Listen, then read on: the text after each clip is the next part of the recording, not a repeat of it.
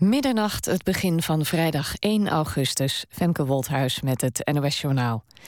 Israël en Hamas zijn een bestand overeengekomen. Dat melden VN-baas Ban Ki-moon en de Amerikaanse minister van Buitenlandse Zaken John Kerry. Het bestand gaat vanochtend om 7 uur Nederlandse tijd in en zal 72 uur duren. Er zouden verder geen voorwaarden aan het bestand verbonden zijn. Het is de bedoeling dat tijdens het bestand de onderhandelingen gaan beginnen. Bij verschillende gasexplosies in de Taiwanese stad Kaohsiung zijn zeker 15 doden gevallen. Meer dan 200 mensen raakten gewond, melden de hulpdiensten. De explosies zouden zijn veroorzaakt door breuken in een gasleiding. Volgens Chinese media zijn verschillende wegen door de explosies zwaar beschadigd, sloegen auto's door de kracht van de explosies over de kop en is een aantal gebouwen in brand gevlogen. Nederlandse onderzoekers hebben vandaag in een mortuarium in Donetsk 25 monsters met erfelijk materiaal van slachtoffers van de vliegramp gekregen. Ook is er kleding overgedragen. De leiding van het team wil niet zeggen wie het materiaal overhandigde. Donetsk is in handen van de pro-Russische separatisten. Het is niet duidelijk of het om materiaal gaat van slachtoffers die al naar Nederland zijn overgebracht. De Rotterdamse burgemeester Abu Taleb zegt dat Volkert van de Graaf Rotterdam beter kan mijden. Hij reageert daarmee op de uitspraak van de rechter dat de moordenaar van Pim Fortuyn zijn enkelband af mag doen en dus ook naar Rotterdam mag reizen. Leefbaar Rotterdam had Abu Taleb gevraagd een gemeentelijk gebiedsverbod in te stellen voor Van de Graaf. Dat vindt de burgemeester te ver gaan. PSV heeft in de derde voorronde van de Europa League gewonnen van het Oostenrijkse Sankt Pölten. In Eindhoven werd het vanavond 1-0.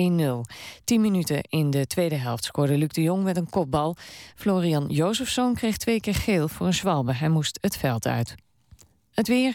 De temperatuur daalt tot 13 graden. Er zijn wat wolkenvelden. Morgen periode met zon. Dan is het 23 tot 27 graden. En morgenavond in Limburg kans op een bui. In het weekend in het hele land kans op een bui. Het blijft wel warm. Dit was het NOS Journaal. Radio 1. VPRO. Nooit meer slapen.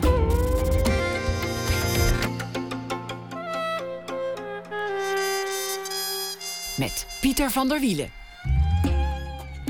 Goedenacht en welkom bij Nooit meer slapen. Liefhebbers voorkwamen dat de fabriek van fotografielegende Kodak dicht moest. Dat was slechts een van de voorzichtige tekenen van de herwaardering van de analoge film. Meer daarover na één uur. Krijgt u ook een verhaal van de Vlaamse schrijver Christophe van Gerrewij.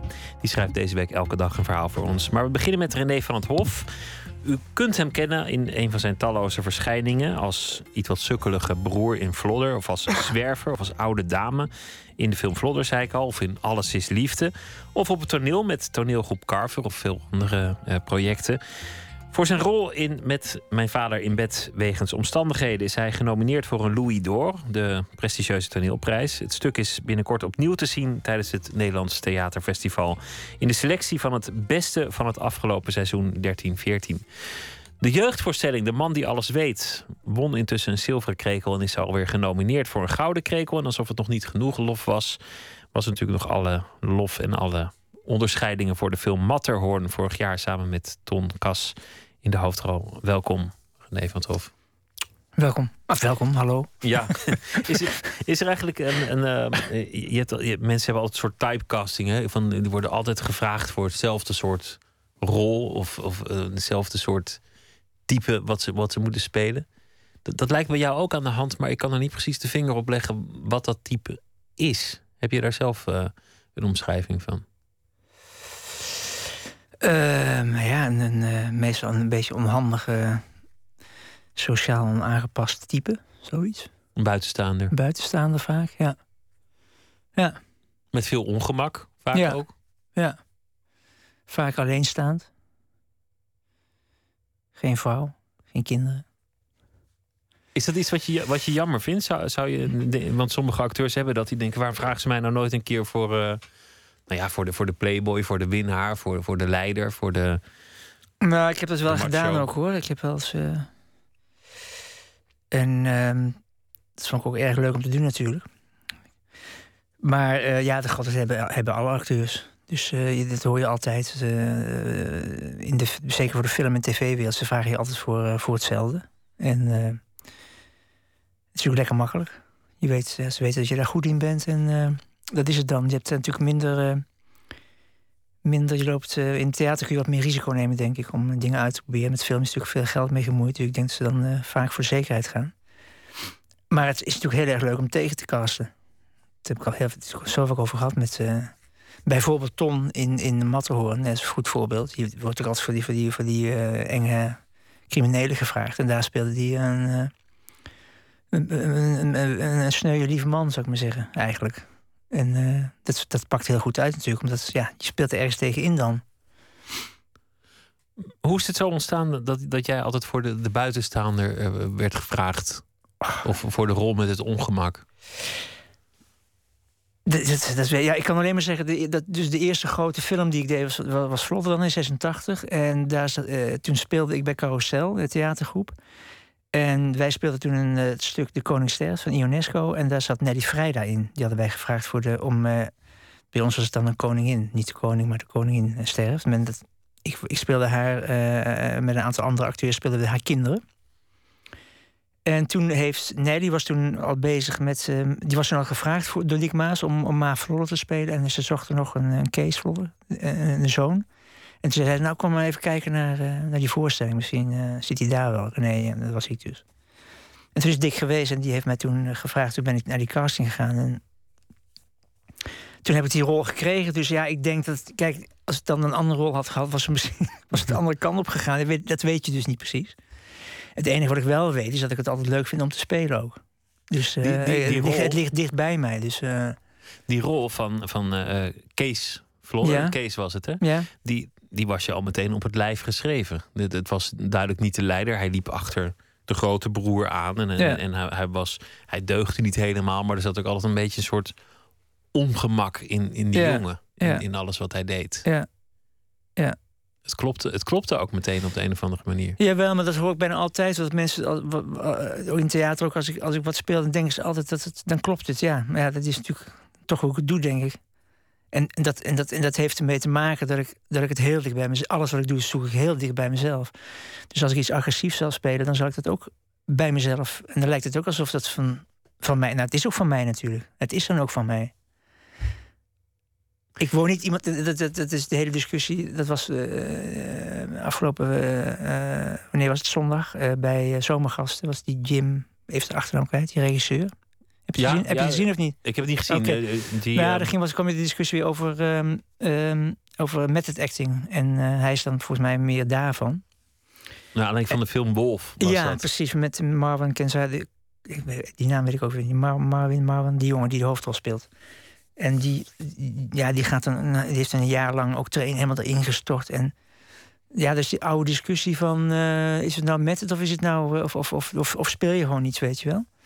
En um, ja, mij maakt dat verder niet zoveel uit. Ik denk dat iedereen moet het op zijn manier doen. En je hebt allerlei methodes. Hè, van, van helemaal uh, van, van het uh, ik speel alles tot. Uh, ik speel helemaal niks. Ik, blijf overal buiten tot ik toch me er helemaal in. En ik probeer iemand anders te worden. En ik zit daar volgens mij ergens tussenin. Dus ik, ehm, ik, ik vind ook dat je het gewoon speelt. Ja, ik bedoel, het heet niet voor niks acteren. Hè, dus to act. Dus je hand, je speelt, je handelt. En alleen je moet het wel uit jezelf halen. De antwoord is het buitenkant. Dus, dus ik, ik doe wel altijd heel, heel dicht bij mijn eigen emoties en waar, waar, het bij mij, waar ik de feeling mee heb. En dat voel je volgens mij. Bij je eigen ongemak dus? Ja, bij eigen ongemak of mijn eigen vreugde of mijn eigen verdriet of mijn eigen lachen, mijn eigen, eigen timing vooral. Het is toch timen. En, uh, als ik naar de bioscoop ga, dan ga ik naar Robert De Niro. En dan ga ik niet omdat hij uh, iemand anders is. Ik snap dat nooit. Ik zit naar Robert De Niro te kijken. Ook zelfs als hij helemaal dik is. Weet je, ze voorgefroten heeft voor die Raging Bull film. Dan zit ik nog naar zijn time en hoe hij dat doet. Dat doet niemand anders zo. Dat is uniek aan Robert De Niro. Weet je, daarom ga ik naar hem toe. Dus ik vind het eigenlijk een lulkoek van eh, dat je iemand anders moet horen. Liever niet, zou ik zeggen. He, hou het heel persoonlijk en... Uh, Laten we, laten we het hebben over de, uh, het, toneelstuk. Want er zijn volgens mij weinig toneelstukken geweest. Voor zover ik me kan herinneren van, van de laatste jaren. Maar ik mis ook wel eens wat die, die, die zoveel teweeg hebben gebracht bij, bij de mensen die er naartoe gingen als uh, in bed met mijn vader wegens omstandigheden. De, de, iedereen die er geweest is en iedereen die erover schrijft en, en ook alle, alle juries die er vandaan komen, die, mm -hmm. die zijn op de een of andere manier geraakt. Ja. Wat, wat is het voor stuk? Kun je, kun je het omschrijven? Ehm, het is een stuk geschreven door Manje van den Berg. ehm, naar een idee van Marieke de Kleine, dat is mijn tegenspeelster. Die speelt de dochter. En zij heeft dat, het verhaal zelf meegemaakt. Eh, haar moeder is een aantal jaar geleden overleden. En haar vader had binnen drie maanden een nieuwe vrouw. Die ook al vrij snel in huis ging wonen. En ook nog eens een keer al vrij snel het hele huis ging verbouwen. Om, en alle spullen van haar van vroeger gingen eruit. En het huis was zij opgegroeid. En, en er kwam allemaal, ja, de hele smaak, alles, alles veranderde gewoon. En eh, nou, dat was nogal pittig voor haar. En haar vader kon daar weinig over, meer over zeggen dat hij, eh, dat hij blij was dat zij er was. En dat hij het alleen niet kon. En, eh, dus dat contact was gewoon heel moeizaam tussen, tussen die twee geworden daardoor. En ehm, toen heeft zij gevraagd of Maya daar een stuk over, over wilde schrijven. En eh, met in de achterhoofd dat ik de vader zou zijn. en nou ja, het blijkt gewoon dat na afloop van de voorstelling komen zoveel mensen naar me toe die hetzelfde verhaal hebben meegemaakt. Dus in Nederland gebeurt het, Ja. dit verhaal heel veel blijkbaar, want het raakt iedereen enorm. En ook mensen die al jaren geleden hebben meegemaakt, dat het weer een soort regressie dat weer terugkomt en zo. En eh, echt eh, de helft van de zaal loopt, eh, loopt te snotteren. En dat, en dat is echt wel bijzonder om mee te maken, moet ik zeggen. Leidt dat niet af als je staat te spelen? Als, als mensen zitten te janken? Nou ja, in, in het begin eh, dacht ik, wat hoor ik nou, wat zijn, wat zijn ze nou ongeconcentreerd? Wat hoor ik nou voor geritsel en gedoe allemaal? En, en eh, tot ik er natuurlijk achter kwam dat het, eh, want het gebeurde gewoon elke keer. Dat het gewoon mensen zijn die, eh, die, eh, die ontroerd zijn. En eh, ik moet je zeggen, ik heb dat echt nog nooit zo op deze manier meegemaakt. Dat, eh, ik had ook, dat, dat kun je ook niet van tevoren inschatten of zo, weet je. Ik denk, nou, het is, ik een heel mooi stuk. En eh, zij schrijft prachtig, vind ik, eh, Manje. En ik begrijp heel erg hoe zij schrijft, hoe ze dat... Dus dat, dat, dat allemaal wel goed. En het repeteren ook heel fijn met, met Paul Knierem, de regisseur. En eh, die liet ons heel erg ons gang gaan. En heel vrij. En dat was heel fijn allemaal. Dus, eh, en vertrouwd. En met Marieke was leuk. Dus dat, dat zat allemaal snor, zou ik maar zeggen. Maar ja, dan weet je natuurlijk nog niet hoe dat, eh, hoe het dat gaat over, over dat gaat werken, weet je. Dus de eerste try-out... nee, dat was de eerste doorloop. Met wat mensen van de toneelschool die het produceert. en die begonnen ook al een beetje zo te...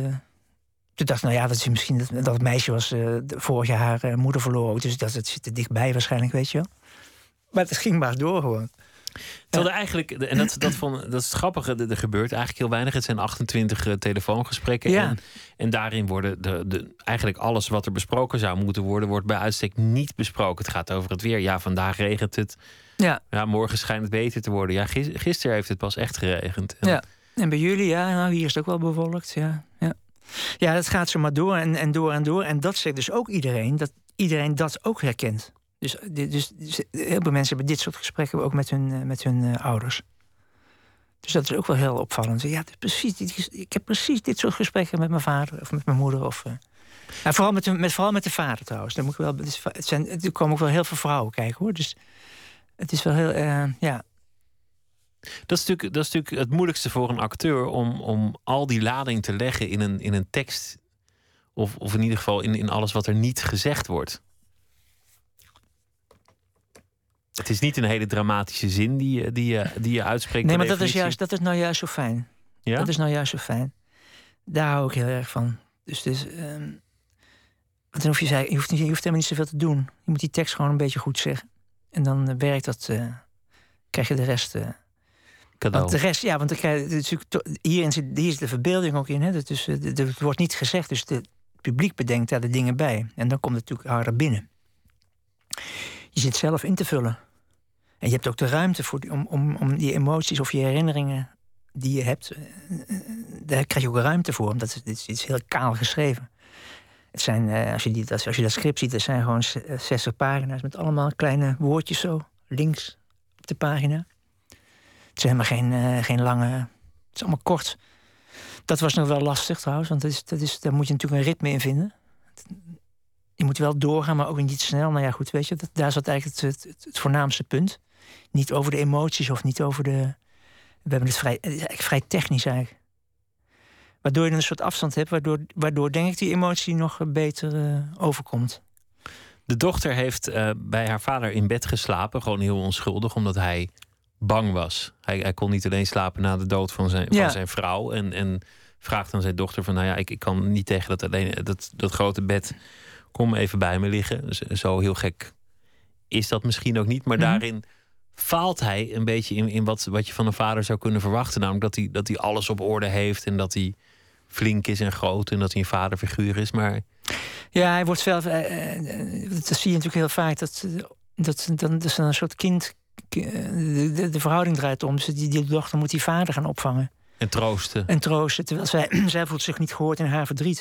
En dat is natuurlijk het grote gebaar van, van ouders naar een, naar een bang kind. Is nou ja, als je zo bang bent, kom maar even bij ons in le- bed Ja. liggen. Ja. En nu Ja. is het andersom. Het is andersom, ja. En, en daarbij nog een keer dat die, eh, dat die man dus niks. eh, ja, gewoon uit onvermogen wederom. Hè. Dus het is niet kwaad, kwaad bedoeld natuurlijk. Maar gewoon heel slecht communiceert met zijn, met zijn dochter. Dus het gewoon niet even uitlegt, weet je wel. Gewoon dat je zegt van ja. God, ik ben echt. eh, eh, gewoon, ja, gewoon niet genoeg uitleg en aandacht voor haar heeft. Gewoon. Als hij dat wel gedaan had, was het misschien. Had ze nog steeds moeite ermee gehad, denk ik. Maar, maar nu vond ze zich wel erg in de steek gelaten. Ja. Je zei dat ik, ik haal het uit mezelf. Als ik een boze rol speel, dan. dan Ik moet, ik moet overigens even zeggen, want ehm, wat wel mooi is, wij, wij speelden dat stuk in. in eh, zij komen uit Enschede. En eh, wij speelden het stuk daar. En daar was, ehm, de, daar was toen haar hele familie en haar vader. En, en na afloop was, van het stuk was die man nogal. Ja, die kon helemaal niet reageren, want het was gewoon te heftig allemaal. En toen, maar later, een week later, hebben ze, het, eh, hebben ze een enorm gesprek gehad. En is alles opengebroken door het stuk. Dat is toch wel fantastisch. En ik heb het ook van nog twee keer naar, eh, met andere mensen ook meegemaakt. Die, die mij gemaild hebben van dat ze, dat ze door het stuk toch weer opnieuw eh, hadden, dingen hadden kunnen bespreken. Dat is toch wel geweldig, vind ik. Dat vind ik ook Ja, wel bijzonder. is natuurlijk iets, wat- iets wat veel voorkomt. Hè? Dat, dat, dat de moeder valt weg in dit geval. En Ja. dan daarmee ook een beetje de gemeenschappelijke basis. En de een gaat verder door te vluchten in een nieuwe relatie. Ja. En, en de ander die wil dat het, dat het huis intact blijft. En Ja. dat het een soort altaar wordt voor de overledene. En de ander die, die moet op last van de nieuwe vrouw alle spullen zo snel mogelijk de deur uit Ja, brengen. En, en belt daartoe een verhuizer. Ja. Heel praktisch eigenlijk. ja, ja. Ja, je kunt die man eigenlijk ook niet denken, ja, ga maar door, weet je. En, eh, Als hij zich zo ellendig voelt en hij voelt zich getroost door die vrouw, nieuw, ja. En alleen slapen daar- lukt niet. Ja, ga maar door. Ja, wat, wat, kun je, ja, wat kun je daar eigenlijk... eh, eh, het is een, een lastige situatie. Maar ik snap, ik snap Marieke natuurlijk ook. Of Marieke, die rol. Want je moet oppassen. Want het is natuurlijk niet helemaal dezelfde situatie. Hè, want het is natuurlijk lullig. Of die dingen. Dus het is, het is wel gewoon een stuk apart van haar belevenis. Maar, maar ja, je, je kunt ze alle, als het goed is, begrijp je het allebei. Weet je? En, maar je hebt ook mensen die heel erg zo zeggen van... nou, ik begrijp jou het beste. Dat meisje moet de mond houden gewoon. De afloop van de voorstelling. Oh, die gewoon kant gaan ja, kiezen. ja, die komen dan zeggen van... De, de Ah, partij, kan, kan die ja, maar maken, zat Marieke dan bij, weet je. Dat is heel pijnlijk eigenlijk. En, eh, maar er zijn ook mensen die, die vanuit haar... Maar het mooiste is natuurlijk als je het allebei begrijpt. Gewoon. En, en voor mij is dat ook zo. Dat zit ook in dat stuk. Ik, ik begrijp ze allebei. Ik denk van ja. Je zei net dat je als, je als je een woedende rol speelt, dan ga je op zoek naar de woede in jezelf. En als je een, een ongemakkelijke zoek, eh, rol speelt, dan zoek je het ongemak in jezelf. ja.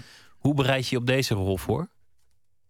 Of is dat gewoon heel praktisch met de tekst en Ja, gewoon, nou, gewoon wat, ja, wat ik zei, het is, eh, dit is echt eh, voornamelijk een enorme eh, ding, ding geweest om die tekst te leren. En zo zijn we begonnen gewoon. We zijn gewoon bij elkaar gezeten om de tafel. En eh, we hebben gewoon die tekst eh, elke dag eh, en maar doorgaan en maar doorgaan. Tot hij helemaal zat. En toen op de vloer. Nou, het was nog even een, heel groot eh, moment dat hij met, met dat kwam dat, dat die decorontwerper kwam met dat doek. Er hangt een, een, een soort vitrage waarop geprojecteerd wordt. En ik zat achter het doek en ik dacht, ja, maar als we nou de hele tijd... eh, wordt het niet te kunstzinnig, weet je eh, dat is gevaar met zo'n projectie. Ik hou er eigenlijk helemaal... Ik dat valt wel moeilijk. En, eh, maar hij heeft wel gelijk gekregen. Dat moet ik echt eh, nageven. Want ik vind het nu fantastisch... het werkt gewoon heel goed. Het, het, zijn, het zijn wolken. Die, het, het is, hij heeft een opname gemaakt. Een treinreis van Amsterdam naar Enschede heeft hij letterlijk gedaan. Naar Enschede en terug. Je ziet de bovenleiding en, ja, en de- uit de trein gefilmd, door het raam. En je ziet de bovenleiding en lucht zie je. En af en toe een boom en af en toe een station komt voorbij. Maar dat, is- dat zie je maar eh, vrij gedetailleerd. En het geeft, daar- daarmee geeft het heel erg tijd weer. En het gaat ook over het weer natuurlijk heel veel. Dus je ziet die wolken. En, en je komt in een soort cadans. Dus het is echt een heel belangrijke vorm geweest om die te kiezen. En daar heeft die jongen echt eh, gelijk in gehad. En dat, dat, had, ik- dat had ik niet zo ingeschat. Ik dacht dat het te, kunstzin, weet je, te kunstig zou worden of zo. En ik zat achter het doek, hè, dus ik, ik dacht van ja, zit ik de hele tijd achter het doek, joh. En dan, dan voel ik het publiek niet. En, eh, maar ja, daar heb ik gewoon. ehm, mee, mee gedeeld. Ik dacht, oké, dat is zo. En dan moet je dan overwinnen. En dat, heb ik, dat, dat doe je dan ook weer, weet je. Op een gegeven moment heb ik helemaal geen last meer van. Dat, uh, dat, dat, dat, dat, ging op een gegeven moment zo goed. En dat, dat gaat je dan meehelpen zelfs. En, uh... In bed met mijn vader wegens omstandigheden. Het stuk binnenkort is weer te zien in het Nederlands Theaterfestival. We gaan luisteren naar muziek van uh, Bahama's. All the Time heet het nummer. I got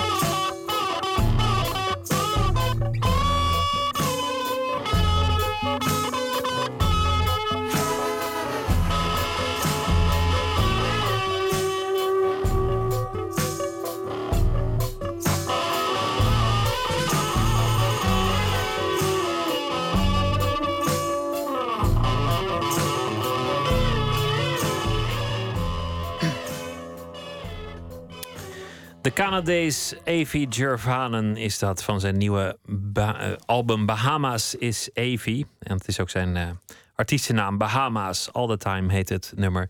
U luistert naar Nooit meer slapen in gesprek met René van het Hof. Uh, genomineerd voor vele prijzen. En ehm, binnenkort is zijn, het stuk waarin hij speelt... in bed met mijn vader wegens omstandigheden... weer te zien tijdens het Nederlands Theaterfestival. We hebben, je hebt ook nog een andere voorstelling... waar je ook al zoveel lof voor kreeg afgelopen seizoen. Een voorstelling voor kleuters. De mhm. man die alles weet. Ja. Weder, wederom dat, dat ongemak.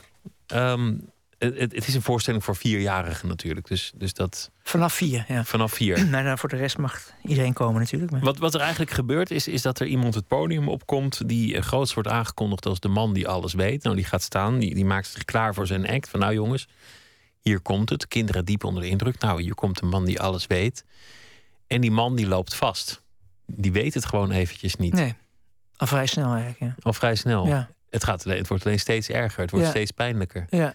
En die man die, die, die probeert zich te redden. ja, op een gegeven moment valt hij helemaal stil. En eh, is hij, hij raakt, hij raakt door, door de hele situatie zo verslag... dat hij eh, totale blackout heeft en niet meer weet waar hij is eigenlijk. En, eh, ja, en dan nemen de kinderen het over hè, in de zaal. Totale Die, anarchie An- wordt het. ja, ja, die gaan er doorheen schreeuwen en rennen. En eh, die, die willen de tent afbreken. Omdat ze het eigenlijk ook niet pikken dat die man eh, heeft gezegd dat hij alles weet. En dan weet hij helemaal niks. En het is nog een volwassene ook. Dus, dus jij bent vier en dan, dan neem je dat soort dingen bij voorkeur misschien nog wel aan. Ja. Of vijf of zes. Ja, nee, voor hun is dat eh, behoorlijk, eh, behoorlijk pijnlijk. Van, ik, na afloop van de voorstelling, als ik dan naar huis fiets... en dan kwam ik er wel eens een, ja, een, een familie tegen... Of, of een bus met kinderen die waren wezen kijken. En die dan, eh, waren echt dan woedend van... je weet helemaal niks, man! Over straat. Echt eh, kwaad. Van Terwijl- ze, van en verwarrend, dat vinden ze natuurlijk... Ja, kinderen willen, die willen toch aannemen dat, dat, wij als volwassenen het wel weten natuurlijk. Dus als wij het ook niet meer weten, ja, dan wordt het natuurlijk wel eh, moeilijk. Dat maakt het ook zo'n anarchistische voorstelling. Want de anarchie breekt wel uit in de zaal. Maar het is, het is, iemand wordt als autoriteit geïntroduceerd. Ja. Maar ja, er zijn vele autoriteiten in je leven. En, en hij begint dan ook een beetje plechtig. Nou jongens, yoghurt, vla. En dan loopt Ja, ik doe rijtjes. hè. Ik doe rijtjes. Ik begin met een rijtje tellen. Dus 1 tot en met. eh, ja, ik doe eerst 1 tot en met 20 of zo. En dan ga ik 30, 40. Nou, dan vinden ze dan. Nee, dat klopt, dat klopt er niet. Dus dan zeggen ze, maar ze weten, ze kunnen dan niet. ver- eh, Ze kunnen meestal 1 tot en met 15 of zo. Of, of tot 10. En dan, maar dan gaan ze helpen. En dan, nou, dan kap ik het af. En dan eh, eh, begin ik met, wat zeg ik dan nog meer? T- tantes en ooms, familieleden doe ik. En eh, nou, allemaal van die rijtjes. Kleuren. En dan komt op een gegeven moment, omdat als ik niet meer weet, komt een, een, een, een hulpje van mij van achter. Die komt dan door het gordijn op om mij te helpen. Maar die merkt ook al snel dat ik het ook niet meer weet. Dus ik raak steeds meer in de war. En dan, en dan ontspoort het inderdaad. En dan wordt er niks meer gezegd eigenlijk. Het decor stort in. alles gaat mis. eh. Het leuke is dat, dat eigenlijk wat, wat je angst is, misschien wel als je op een podium staat, dat je dat hier enorm moet uitvergroten en juist laten gebeuren. Ja. Het- je tekst kwijt zijn, de zaal gaat muiten, het decor stort in. Ja. En, en je weet van pure schaamte niet meer waar je moet kijken. En dat is ook, eh, dat is elke voorstelling gebleven eigenlijk. Sorry. een beetje een ding in mijn keel, wacht even. Is, is dat zo als je in een, in een andere voorstelling staat, zoals de voorstelling die we net bespraken, dat ergens in je dat, dat gevaar eh, misschien in je achterhoofd speelt? Van wat als ik het niet meer weet? Ja, zeker. Ja. Ja, dat, heb ik, dat, dat, heb ik heel sterk zelfs. En bij de, bij de, de, heet het, eh, met mijn vader in bed hebben we ook een paar keer meegemaakt. Dat we, omdat die teksten, die lijken heel erg op elkaar. Hebben we ook scènes dat we helemaal niet meer wisten waar we waren. En gelukkig was ik niet de enige, want ik ben altijd bang dat ik het heb. Maar zij had het ook, terwijl Marieke een stuk jonger is en echt een hele, bijna fotografisch geheugen heeft, had zij het ook een paar keer. Dus ik dacht, waar zitten we, weet je? Want toen ben ik een keer afgelopen ook, de coulissen gewoon, heel rustig. Niemand had het door, wederom. Ongelooflijk altijd, maar... Maar wij natuurlijk totaal in paniek. En, eh, maar bij de man die alles eh, weet, is het, is het inderdaad als acteur... Wat ik moest doen, is, is, is het loslaten. En, en daar ook door die, door die angst heen gaan. Want ik, ik vond het echt eh, behoorlijk heftig, hoor. Omdat, omdat je zo getraind bent om dit te vermijden, dat je het dan nu juist moet doen. Ja, ja, dat is heel vreemd. Want, om het, ja, want ik dacht, ja, maar zo meteen komen ze, breken ze echt de zaal af. En dat is ook wel gebeurd in het begin. Was ik, had ik echt geen macht. Ja, dat kan natuurlijk niet. Dus toen heb ik ook eh, de regisseur, die, die, die is toen het podium opgekomen. En toen hebben we overlegd van wat zullen we doen. Hij zei, ja, ga maar gewoon, probeer maar gewoon uit. Het is gewoon een try-out, dus eh laat maar gebeuren. En dan kijken we eh, straks van de afloop wel eh, waar we uitkomen, weet je wel. Dat was Jetse Baterland, de regisseur. Fantastische, fantastische regisseur trouwens. Heel eigenzinnig. Nou, en dit staat hij ook gewoon, staat hij gewoon toe, weet je wel. Maar hoeveel, hoeveel van die, van die peuters, eh, kleuters eh, zitten daar in, in nou, die zaal? toen bij, die, bij, die, bij, dat, bij de eerste doorloop, hè, dat was gewoon intern nog. Hè, eh, dat waren er een stuk of eh 60 of zo, denk ik. Dat, is nog, dat is nog best een ordeprobleem wat je dan creëert. Ja, maar dat, was, dat, dat ging toen ook bijna niet meer. En toen, toen is hij weer weggegaan. En toen heb ik me daar doorheen geworsteld. En, uh, en toen heb ik na afloop gezegd: Nou, dit ga ik niet doen uh, met uh, zometeen 280 kinderen, 300 kinderen, weet je wel. Die zaal, er komen scholen, in die schouwburg komen, komen ook scholen naartoe natuurlijk. Dat ga ik niet redden, dat, daar heb ik geen zin in. Nou, toen hebben we het daarover gehad. En hij zei, dat wil ik natuurlijk ook niet, zei hij. We moeten gewoon, dit is meer een onderzoek. En we moeten kijken waar we uitkomen. Dit, dit kan niet, dat weten we nu. Dan gaan we dus zoeken naar weer nieuwe dingen. Nou, zo, zo tot, tot, twee, eh, tot een week voor de première nog, joh. Het eh, was behoorlijk eng hoor. Maar vond ik het. Maar wel, wel te gek daardoor, want ja. En hoe doen jullie dat nu? Want, want die, die anarchie moet ontstaan. De, de, de zaal gaat muiten. De man die alles weet, die blijkt niks te weten. Ja. Zit, zit trouwens ook een soort opvoedkundig aspect aan. Dat je, dat je kinderen alvast jong weg meegeeft van nou, pas op als iemand zegt dat hij alles weet, let op. Of, of hebben jullie daar niet zo over nagedacht? Nou, uh, gaandeweg kwamen we er eigenlijk achter wat, wat nou eigenlijk precies de inhoud was. Want daar kwamen we ook niet helemaal uit. En toen hadden we een keer het idee van... Uh, het, het, uh, het, moet eindigen met een lied. En ehm, over de man die alles weet. En dan, en dan weet iemand, heeft iemand nog een vraag... wat er aan de, aan de zaal. En dan... En dan, dan, dan wil ik dat liever niet dat dat, dat, dat, dat, dat gebeurt. En dan wordt die vraag, en dan gaat met de microfoon de zaal in. Dan krijg ik een vraag naar me, uh, en, dan, en, dan, en dan antwoord ik van... Dat is een hele goede vraag. De allerbeste van vandaag. Dus het slot, het slot van de voorstelling is eigenlijk dat het om de vraag gaat en niet om het antwoord. Dus, en dat vind ik wel een hele mooie gedachte. Dus dat je door te vragen en als je een antwoord hebt, komt er altijd weer een nieuwe vraag. Het houdt nooit op. Dus en zo kun je steeds verder. Dat is een mooie, maar hoe ja, het is een hele, echt een hele filosofische voorstelling. Hoor. Echt, ja. en, maar op, op, een hele simpele manier. Maar op een manier die ik ook nog begrijp. Weet je. Want als ik vaak filosofie hoor, dan gaan mijn oren klapperen. Maar dit is echt... Eh, dat is zo mooi. Ja, dat vind ik heel ontroerend. Dat het dus in een hele basale manier heel filosofisch is. Hoe houden jullie uiteindelijk die zaal in, in bedwang? Goh, ja. Staan er allemaal, allemaal juffen in de coulissen die elk moment kunnen opkomen? Of, uh... Nee, want de, het moeilijkste zijn de, vond ik altijd uh, de keer dat we deden voor scholen. En dan dat, dat uh, juffen gingen, de, de boel gingen temperen als ze niet goed voorbereid waren. Dat snapte ik wel van die lieve dames. Ja, die dachten van, oh, die arme man, dan zag ze ook zo naar mij kijken, weet je. Dat was heel pijnlijk natuurlijk. Die dachten dat ik, dat ik echt het spoor bijster was. Maar dat hoort natuurlijk allemaal bij.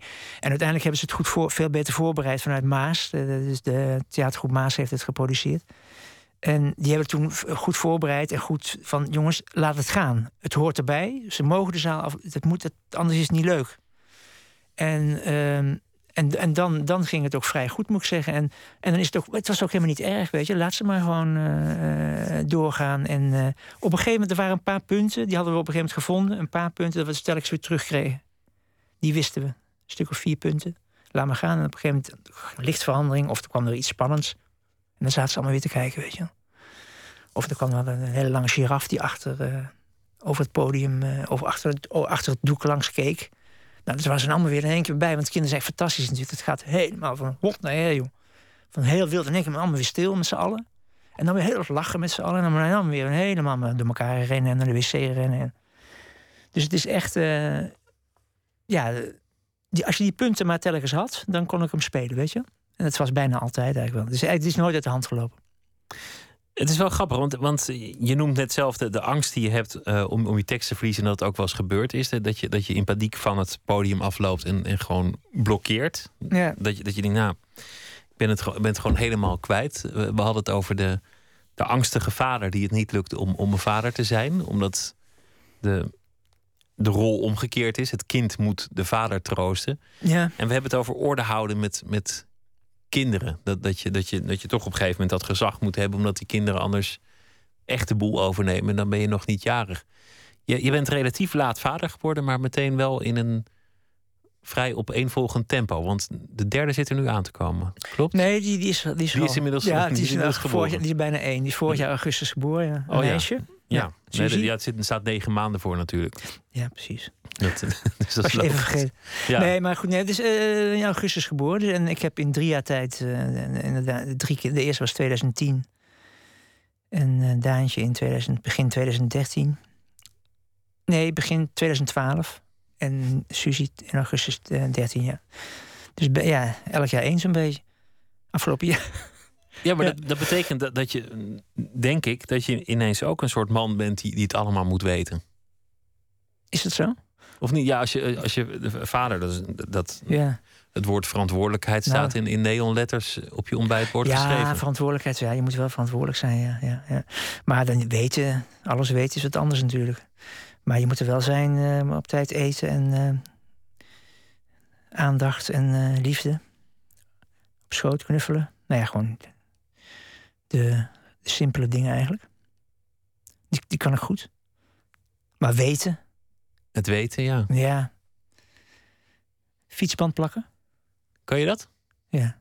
Ik doe, ik doe liever geen klusjes hoor, maar. eh, ben, ben niet handig, maar. eh, maar dat kan ik wel. Nee, maar god, ja. Het zal, het zal zich uitwijzen. Ze zijn natuurlijk heel klein nog. Dus het is allemaal nog heel eh, elementair wat, wat er moet gebeuren. En dat gaat goed. Het is heel veel. Ongelooflijk veel. Ik zag het bij vrienden wel, maar ik dacht, nou, het is nog meer dan ik dacht, eerlijk gezegd. Wat, wat er komt kijken als je, als je, als je kinderen. Heb ja, je, heb, je er ooit, ja. heb, je, heb je er ooit angst voor gehad? ehm, van kan ik wel een vader zijn? Of, of was, was dat eigenlijk nooit een twijfel die je had? Van, van kan ik die, die, die verantwoordelijkheid nou, aan meer dat ik dacht van god, ja, inderdaad, al die tijd die je, eh, die je dan niet meer voor jezelf hebt. Zo van eh, eh, alles op zou slokken of zo. Dat is een heel praktische afweging natuurlijk. Ja. En, en, en, maar het is, ook, het is meer ook heel vrij simpel dat het eigenlijk nooit in mijn leven echt over, gebeur, of overkomen is. Of, kwam niet op of- je pad. kwam niet Nee. op mijn pad. Nee. En tot ik mijn huidige vriendin, eh, die, die kwam op mijn pad. En die was heel duidelijk dat ze dat ze ontzettend graag met mij wilde. Dus eh, ja, dat was, dat was wel een heftig moment. Ja. Ontroerend ook natuurlijk. Ja, dan sta je op een soort, een soort splitsing van eh, ga ik verder zonder het meisje en zonder kinderen? Of ga ik Ja. verder met meisje en met kinderen? En dan, Ja, het hele pakket. dan, dan heb je een laffe keuze en een moedige keuze eigenlijk. Ja, of misschien zijn beide ja, keuzes ik weet het niet. Zo, ja, dat heb ik ook wel gedacht. Van, ja, eh, inderdaad, in, in die termen. Maar van de andere kant denk je, nee, als ik het ander had gekozen, dan Was had ik, ook dat, moedig. had ik dat ook. Ja, precies. Want is ook moedig, ja. Ja, want ik. ik, ik eh, ja, dat, ja, eigenlijk wel. Want, eh, maar ik, voor mij was het wel zo dat ik de laatste jaren gewoon heel graag. eh, of, of heel vaak terugkwam dat ik dacht: van krijg, ik krijg waarschijnlijk spijt als ik het eh, niet gedaan heb, toch? Dat, dat gebeurde de laatste jaren voordat ik eh, Nienke ontmoette, eigenlijk steeds vaker. Dat ik kreeg een beetje last van eigenlijk. Dus ja. Maar ja, dan, dan moet je dan, iemand tegenkomen natuurlijk. ja Dus dan, da- die vraag die stop je dan ook weer weg, natuurlijk, zoals het gaat. Je maakt natuurlijk constant een verhaal van je leven. Dat deed ik toen ik... Ik heb heel lang alleen gewoond en maakte ook weer een verhaal van. En nu maak ik ook weer een verhaal van, ja. We hadden gisteren Lucas de Man te gast, eh, eh, ook toneelmaker uit, eh, uit, uit Vlaanderen. Die zei: je, je kunt op maandag met heel veel verven zeggen: Ik zal nooit kinderen nemen. En het is helemaal niet erg om op vrijdag precies het tegenovergestelde te beweren. als je het maar met evenveel verven doet. Ja, Dat was zijn, was zijn stelling. En dat, Ja. dat vond ik eigenlijk wel een interessante eh, Ja. gedachte. maar, ja, maar zo gaat het toch ook. Je, je- wat ik net zeg, je maakt een verhaal van iets. Hè? En eh, dit verhaal is nu mijn... Waar ik nu in zit, is nu mijn verhaal. Maar ja, voor hetzelfde had ik eh, dat niet gehad. Dan had ik een ander verhaal... eh, had ik misschien ook niet gezegd van... ik, misschien krijg ik wel spijt van als ik geen kinderen zou nemen. Had ik waarschijnlijk niet eens gezegd dan. Had ik voor mezelf gehouden, denk ik. Er zijn niet veel mensen die zeggen: Ik heb zo'n spijt dat ik kinderen heb gekregen. Dat, dat, dat, dat kun je ook Andersom. gewoon niet zeggen. Nee, de mensen die zeggen: nou, Ik heb kinderen genomen. pff, Spijt. waar ik het niet gedaan had, zeg. Nee, maar, ik je- dat, is, je ook maar dat niet is een taboe, hè? Dat is gewoon een taboe. Dat is een Ja. taboe. Ja, dat, eh, want er zijn natuurlijk heel veel mensen die ook weglopen. Dus dat is ook niet voor niks. Het is ook een hele opgave. Maar goed, dat is, dat is, dat is ook. eh, dat vind ik alweer fijn van. eh, want ik denk natuurlijk dagelijks van. ik ben veel te oud, man. Dus echt, kan eigenlijk niet, weet je wel. Ik ben bijna 58. En dus de, de eerste had kreeg ik eh, toen ik 5, 4, 55 was. Maar nou, het is één groot voordeel dat ik dat, het- dat ik dat allemaal wel in een, eh, veel meer in een perspectief kan zien. En, eh, dus dat het er allemaal bij hoort ook. En dat je daarvoor moet knokken ook. Je moet gewoon voor je relatie en voor alles. Je moet gewoon. In eerste instantie moet het natuurlijk lekker voelen. Maar daarna is het natuurlijk niet vanzelfsprekend allemaal. Dus. Kun je je voorstellen dat mensen weglopen? Eh, ja, nou, ik, ik ben zelf wel eens weggelopen. Niet had ik nog geen kinderen, maar wel. eh, Maar ik bedoel van een, van een heel gezin. Dus, dus van die, Lijkt- die ja, enorme dat kan, ik me nou, dat kan ik me op dit moment niet voorstellen, nee. Nee. Maar het gebeurt, dus ik weet... eh, Dat, over tien jaar weet jij veel. Ja, nee, dat is waar. ja, weet je wel. dat- natuurlijk het zou wel heel raar zijn en dom zijn om dat te zeggen van nee. Dat, uh... Maar ik hoop werkelijk waar het niet gebeurt. Ik zou het verschrikkelijk vinden. Die, kan me, oh, dat lijkt me een ramp. Of je als hoort van mensen met jonge kinderen bijvoorbeeld. En denk, nou, Nee, dat, dat, kan me echt niet voorstellen. Dat, moet wel heel ver, moet wel iets heel bond gaan, wil ik, wil ik dat doen hoor, op dit moment. Het, uh... Heeft het je veranderd? Ik bedoel, heb je al die, die rollen die ineens van je gevraagd werden, ik bedoel, echte rollen, dat, dat heet dan ook een rol, maar, maar al die capaciteiten die ineens van je gevraagd worden om, om vader te zijn, heb je die ook echt kunnen vinden? Ik snap het niet. De capaciteiten, wat? Nou ja, om, om, om, om je zaken voor elkaar te hebben, om, om zeker te zijn, om een opvoeder te zijn, om, om al dat lawaai aan te kunnen, om om de boel op orde te hebben thuis, om, om een soort gezagsdrager te zijn. Dat, ja. Of ik dat kan? Of wat? Ja, hoe gaat je dat af? Nou, dat, dat, dat, gaat, dat gaat heel goed eigenlijk. Ja. Nee, wat, wat, ik, wat ik vooral uh, zwaar vind, is dat, dat niet slapen.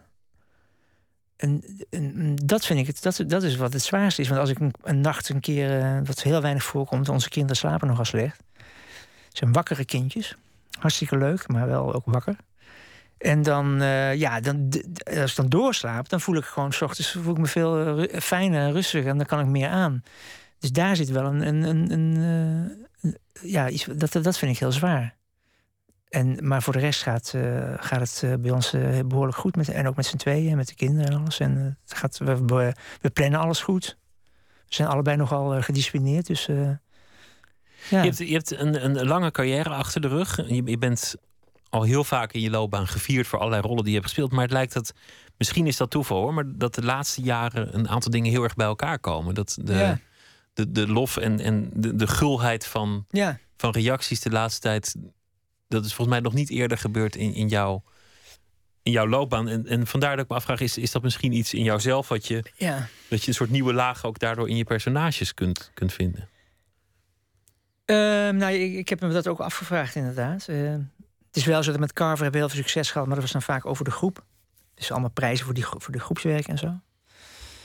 En, uh, maar het is, het is meer een ander gevoel, wat, wat inderdaad waar is. En ja, het zou kunnen. Ik, het is wel opvallend. Uh, maar misschien is het ook gewoon uh, oogsten na, na 25 jaar, 30 jaar door, gewoon doorgaan en blijven spelen en, en, en, blijven dingen ontdekken. En en de productie moet natuurlijk ook gewoon lukken. Dat is natuurlijk ook gewoon. Ja, maar dat, ja, maar dat is. Dat, ik heb werkelijk waar. Ik had ik, Beppie Medissen, die was vanmiddag bij mij, want die gaat mijn, mijn solo in de, over een maand mede regisseren.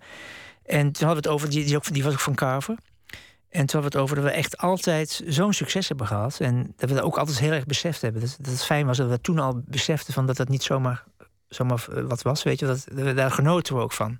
Je hoort vaak achteraf pas, dat, je, dat hadden wij niet. We echt...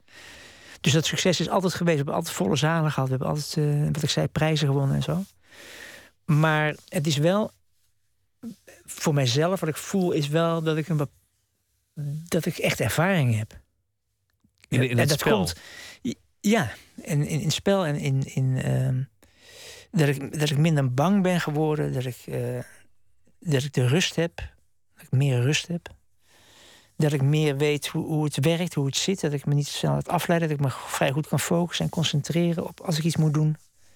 Dat ik me niet laat afleiden door een publiek wat misschien onrustig is of vervelend doet. Of, uh, weet je, of uh, waar ik vroeger ook last van had. Elk dingetje in de zaal dat kon ik dan. Uh, dacht, oh, ze vinden het niet goed wat ik doe. Weet je. Dat soort dingen. Ik denk dat dat met. Dus die ervaring betaalt zich volgens mij uit. Dat denk ik. Wordt minder neurotisch ook. Uh, hoe bedoel je, op, uh, in, in dagelijks leven of uh, nee, op toneel? Nou, laten we beginnen met het toneel.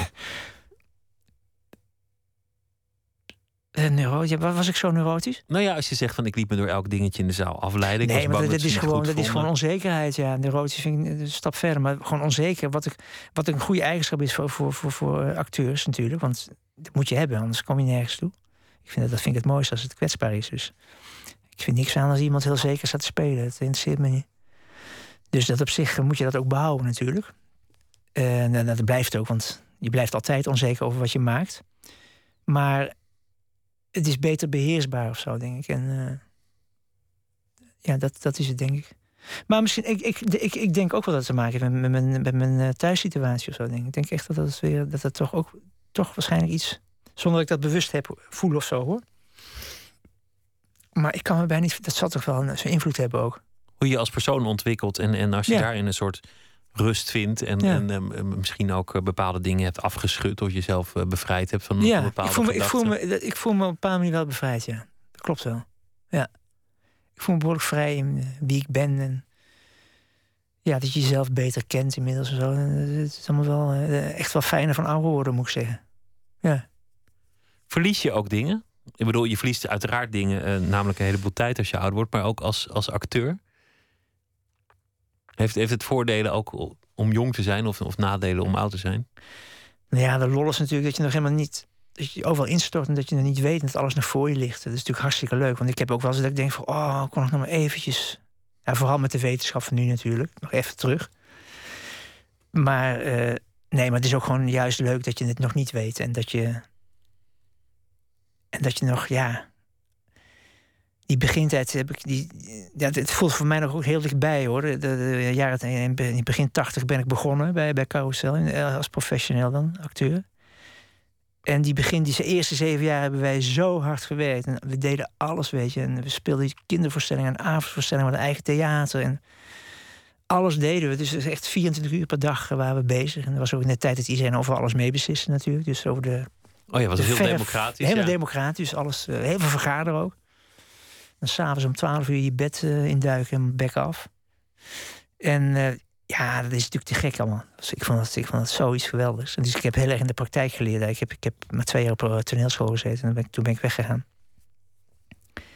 Dus voor mij was het eh, een gouden tijd. En ik heb daar zoveel geleerd toen. Door gewoon zoveel te spelen. En, eh, en toen kwam Carver. Nou, dat was... eh, toen werden we helemaal omarmd. eh, toen werden we echt gezien door, door iedereen die wij, die wij goed vonden. Die kwam naar ons kijken. Nou, dan krijg je het besef van... Het mag er zijn. We zijn gezien. Gerard Reven. Het is genoteerd, weet je wel.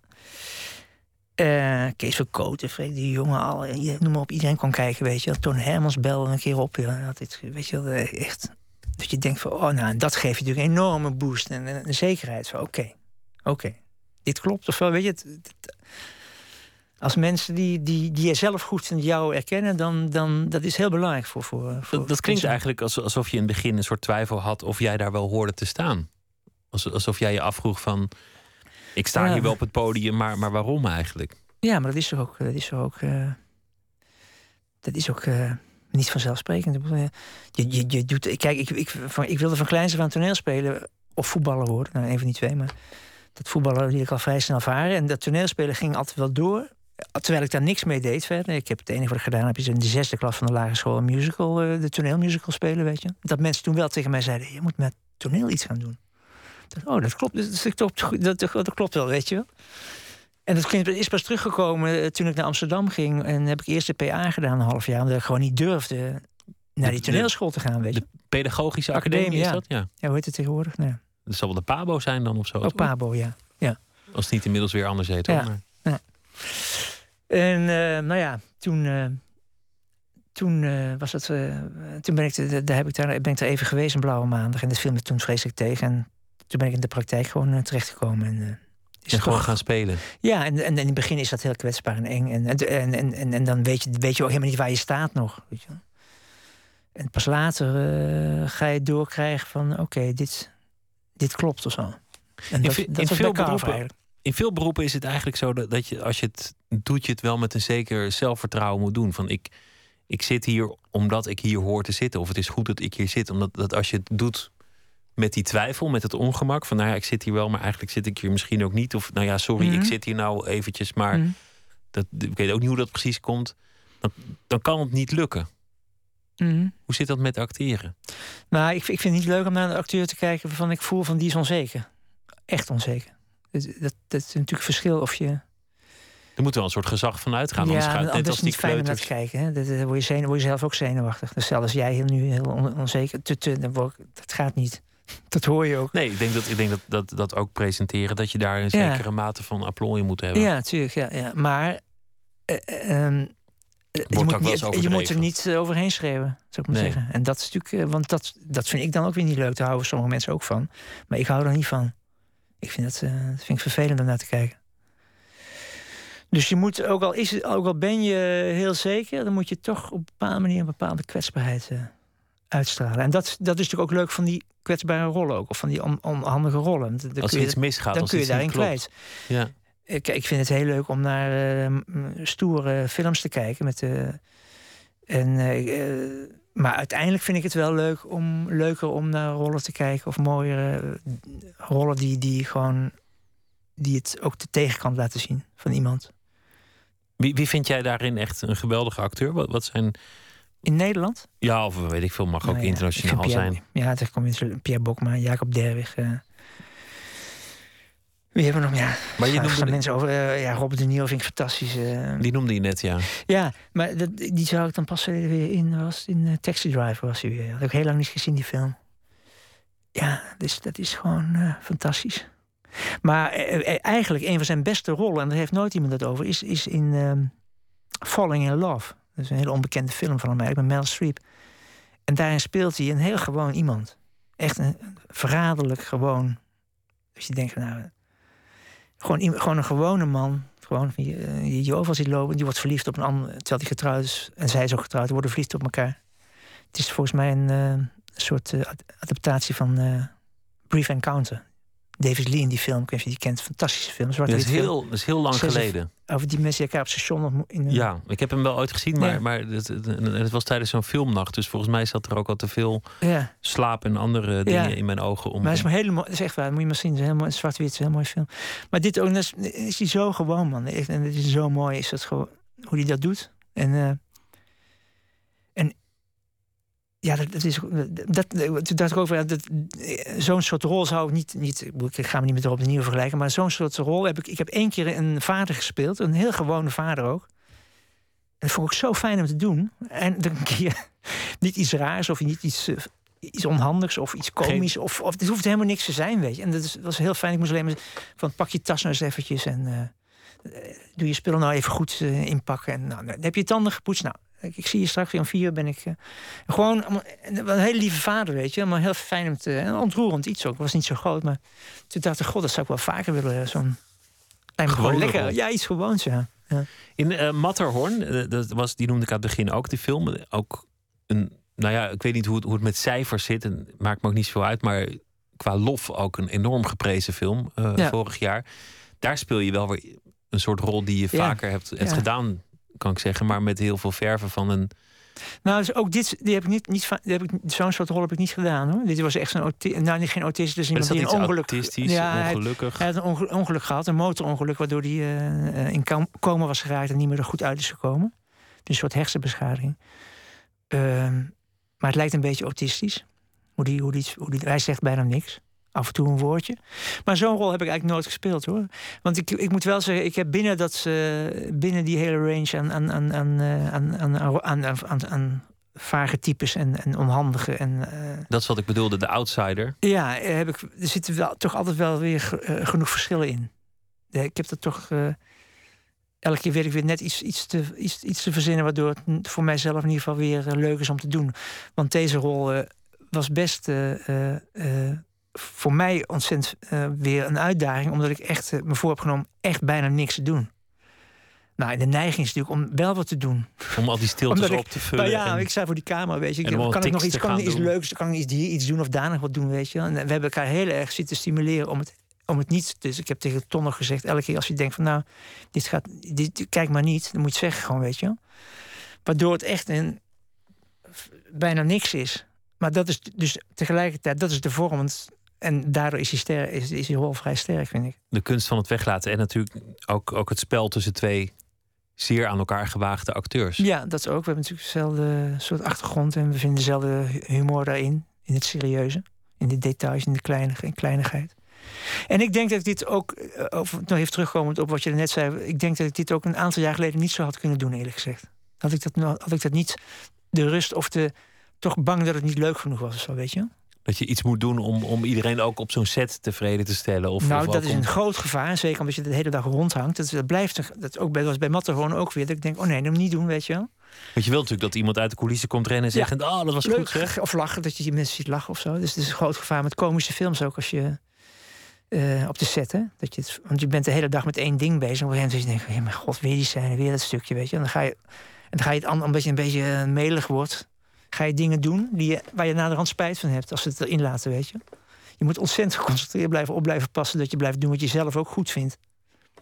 Je zei net, ik, voel me bevrijd van een aantal dingen. Je, je hebt een aantal keuzes gemaakt in, in je eigen leven en, en daarmee ook in, in je loopbaan. En je weet ook steeds beter wat je wil en hoe je het moet doen. Die outsider die je zo vaak gespeeld hebt, heeft het ooit op de loer gelegen in, in de verste verte dat je het zelf zou worden? Nee, nee niet, op die, uh, niet op die manier. Nee. Ik heb wel een, ik heb wel een angst uh, van huis uit meegekregen. Mijn vader die komt uit, uh, uit Rotterdam, uit, uh, uit de haven, zou ik maar zeggen. Uit, hij, hij is al over lang overleden hoor. Maar, maar en hij, dus hij komt echt uit zijn arbeidersfamilie uit Rotterdam. En mijn vader heeft zich helemaal opgewerkt via allemaal actjes. En heel snel toen, toen hij getrouwd was om in het onderwijs terecht te komen. Is en uiteindelijk adjunct-directeur van een grote technische school in Breda geworden. Dus het, echt heb ik altijd fantastisch gevonden. Oh, dat ik trots op mijn vader, weet je, dat hij dat gedaan had. Maar ik heb er wel eens een overgehouden. We hadden ook een huishoudboekje. Mijn vader was altijd bang dat hij geen, dat het weinig geld uh, was uit zijn eigen was jeugd. tellen? Nee, maar er zit alles, er altijd alles bij, weet je. Zo, wat mijn moeder uitgaf. Want toen kwam ze net rond in het begin nog. Dat, in het begin was het natuurlijk allemaal niet zo vetpot. En, uh, maar dat, dat is een soort angst voor dat je ik kan nog wel hebben, ik denk van ja, als het acteren, als ik zo niet meer gevraagd word, dan kom ik misschien in de fabriek terecht of zo, weet je. Zo. Dus ja. mijn vriendin, wat, zeg je, wat is dit voor onzin? Maar er zit toch wel vrij. Kijk, ik, het is geen reële angst, maar het zit er wel in. Nou, zeker als je drie monden te voeden hebt, toch? Ja, ja. Maar, Maar ja, het ik is ga, nooit... zij zeggen, maar dan ga je toch iets anders doen. Je hoeft niet per se in de fabriek. te- Maar het Oh, zit ja. vaak in iemand zelf. Hè? Dat je echt een outsider wordt. Dat heeft vaak te maken met het, met het mentaal het niet meer kunnen opbrengen om, om in een bepaald soort keurslijf te lopen. Of om, om het voor elkaar te krijgen. Om...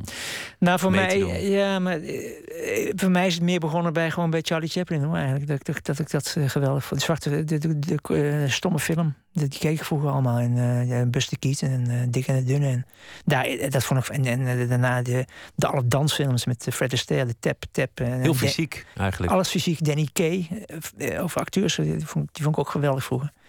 Eh, en toen zo door naar eh, Monty Python, Jiske, of eh, nou, vind ik ook goed, maar Mr. Bean. er zit allemaal toch wel een lijn, rechtstreeks een lijn, helemaal terug naar, de, naar het begin van alles. de, komische, de, de stomme film. En het, het leuke aan die, aan die vroege komische films is dat, dat als je de, de echte slapstick even wegdenkt, dan zit er altijd een enorm dramatische laag onder. Zeker bij Charlie Chaplin. Dat het, sentimenteel zelfs, ja. als je het lachen even vergeet, zou je er heel hard om kunnen huilen. Mhm. Zoveel dramatiek als hij erin weet te leggen. Ja, maar dat, dat vind ik ook mooi aan, aan, zijn, aan, zijn, eh, aan zijn films. Dat het, eh, die ook die dubbelheid heeft. En eh, hij slaat af en toe wel een beetje door, maar dat vergeef ik hem. Nee, maar het is wat, wat die man gemaakt heeft, is toch, dat is toch ongelooflijk. Als je dat terugziet. En, van een grote poëzie en beeldschoon. Bijzonder, ja. Heel bijzonder. ja. En, en, die, en die Jim, ook heel modern. Die Jim had ook eh, van, van de VPRO eh, van eh, wat is het, afgelopen zondag. Ja, ik kom nog steeds op zijn naam. Ja, Ta- Tayo Tayo Hutu. Tayo Hutu, ja. Ja. Bij Zomergasten liet hij... Oh nee, sorry, ik vergis me. En Freek de Jonge, liet, die was de week daarvoor... die liet Charlie Chaplin zien. En ik heb heel veel van hem gezien, ik, van Charlie Chaplin... maar dat kende ik niet. Dat was een filmpje uit 1914, moet nagaan. Dat was de eerste, hij zei de eerste film van Chaplin. En daar zie je hem... eh, eh, er wordt een camera, neemt een optocht op. Op straat, gespeeld.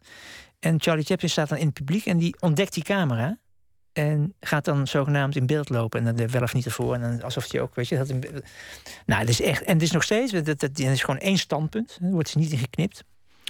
En het is, nog, het is gewoon modern. Want hij speelt dan met het documentaire-achtige. Want het is een speelfilm dingetje, weet je. Het is, het is gewoon verzonnen. Maar hij speelt dan met dat, wat nu tegenwoordig allemaal heel erg met documentaire, wel fictie niet, wel niet.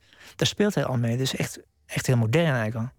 Een grootheid. Ja. Dank dat je te gast wilde zijn. Ehm, tijdens het Nederlands Theaterfestival is... eh, Mag ik nog één ding Ja? zeggen? Want mijn solo, die speelt dit najaar. je solo, die komt Ja, er ook nog aan. Ja, en die, die ga ik maken en die speel ik dan eh, eh, tot en met december in de theaters. Ik ben er heel benieuwd naar. Oké, Dank je wel. dank je. Zometeen eh, gaat Nooit meer slapen eh, verder met heel veel eh, andere dingen. Twitter, at VPRO NMS of via de mail nooitmeerslapen.vpro.nl. Dank je wel, René van het Hof. Dank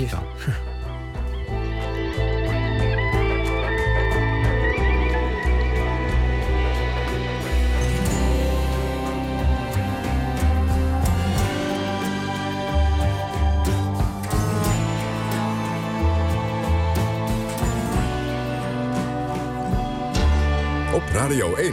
Het nieuws van alle kanten.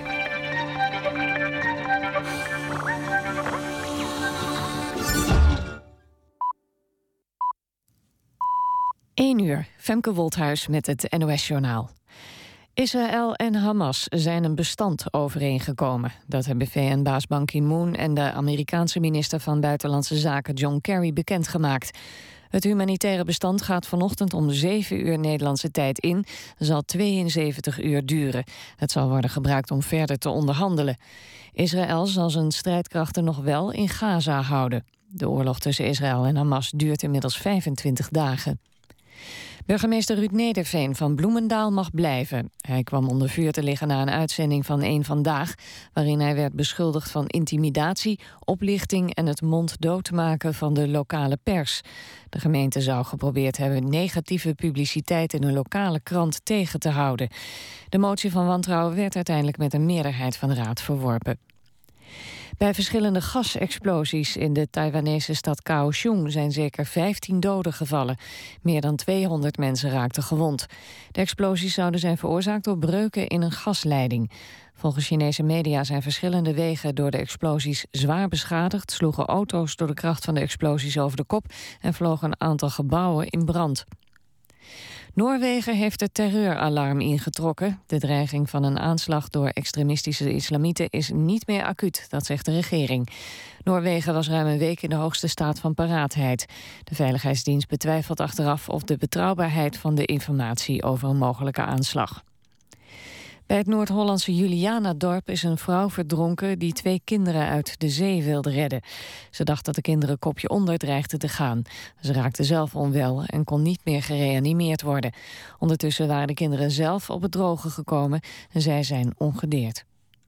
Het weer. Vannacht daalt de temperatuur tot 13 graden. Er zijn wat wolkenvelden. Morgen periode met zon. En dan is het 23 tot 27 graden. Morgenavond in Limburg kans op een bui. En in het weekend kan in het hele land een bui vallen. Het blijft warm. Dit was het NOS Journaal. Radio 1. VPRO. Nooit meer slapen.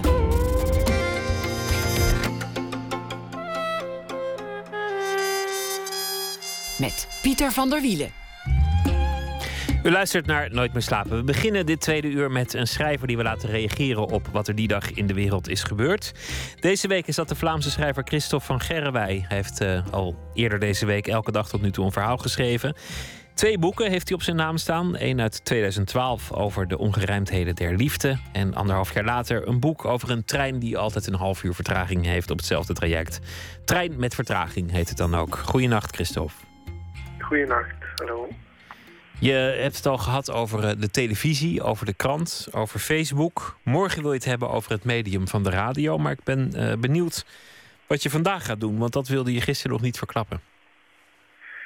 Ja, ik denk dat ik vandaag een uh, vreemd, maar waar gebeurd verhaal zal vertellen... waarvan het eigenlijk per ongeluk, of later is gebleken dat het onterecht nieuws is geworden dat het eigenlijk uh, om een vergissing ging. En dat de nieuwswaarde ervan helemaal niet zo uh, hoog was. En dat is... Uh, ja, het gaat dus niet echt over de medium zoals de vorige keren, maar het is wel een nieuwsbericht dat toch bijvoorbeeld langs, zelfs denk ik op televisie, radio, Facebook en ook in de krant heeft gestaan. Vals alarm, kortom. Ja, zoiets was het, ja. Ik ben benieuwd. Laat horen. Drie vriendinnen lopen naar huis na een avondje uit. Het is half vier in de ochtend. In een parallelstraat van een van de kaaien klinkt geschreeuw niet ongelijkaardig aan dat van een stervende vrouw. Tot zijn ontzetting blijven passanten onverschillig, als onbarmhartige toeristen. In de verte, tussen struiken in een plantsoen, wordt een vrouw door een man overweldigd.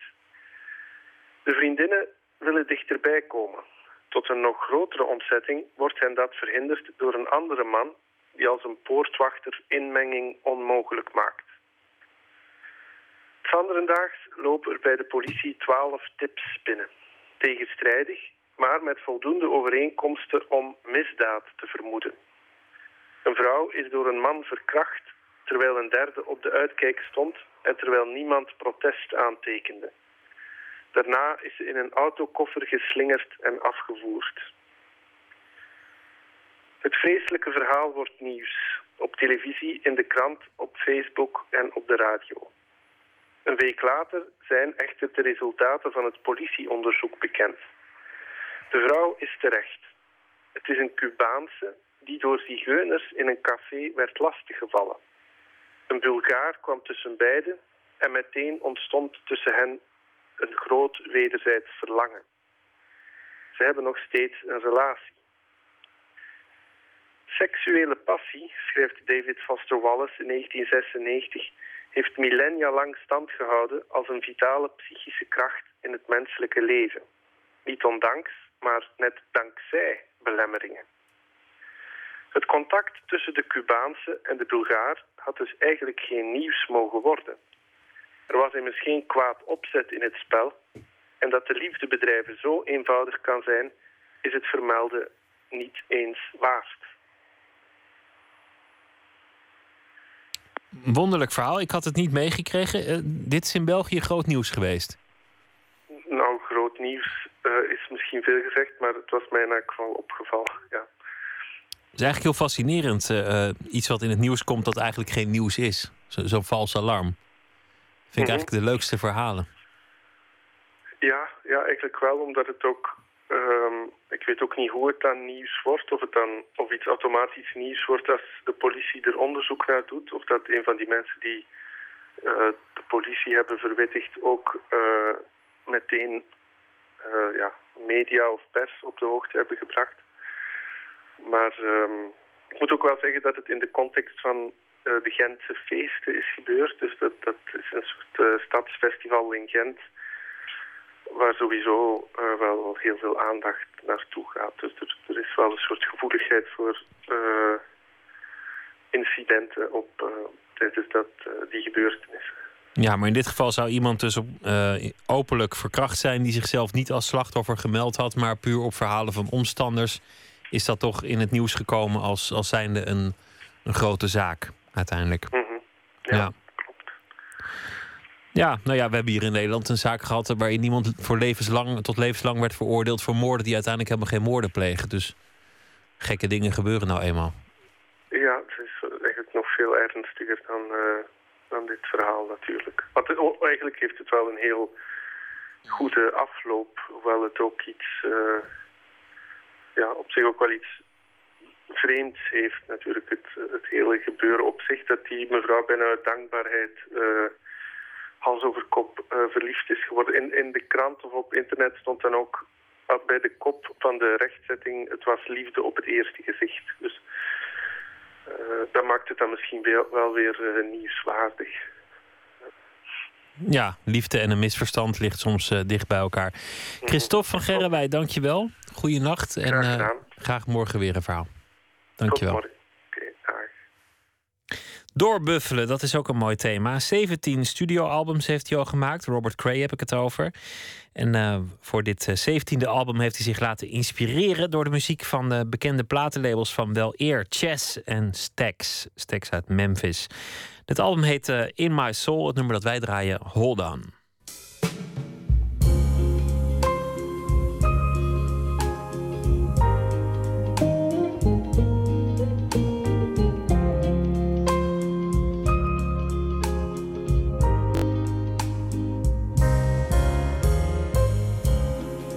Woman, I've had quite a day. I got caught up, lost in the fray. And all that I can think about is coming home to you.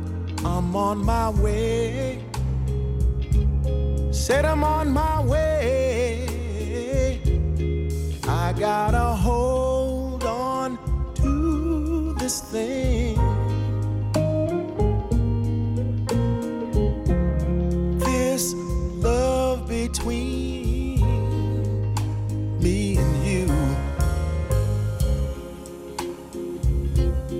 I'm about to lose my mind.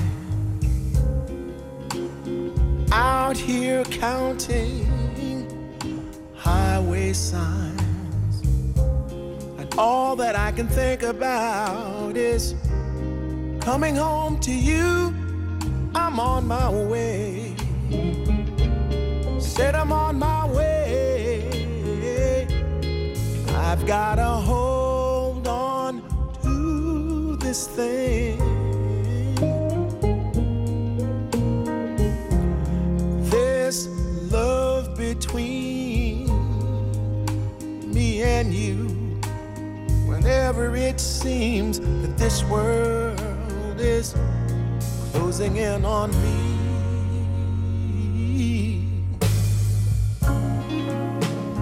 Never was a golden boy, the one who got the girl.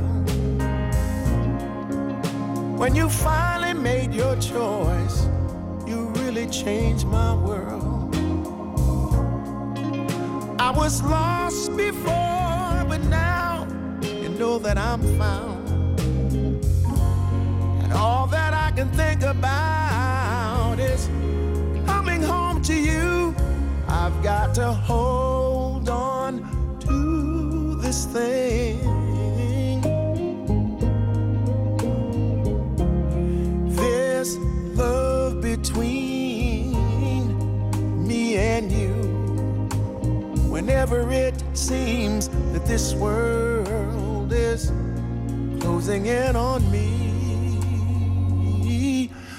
Got to hold on to this thing.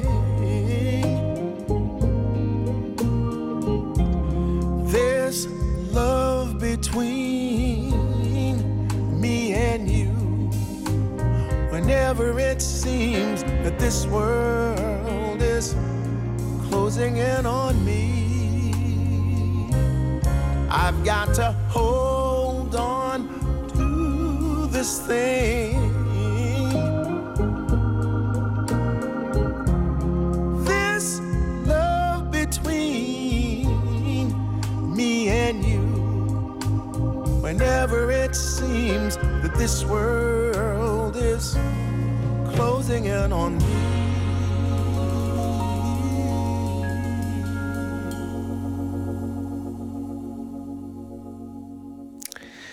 Robert Gray was dat. Hold on.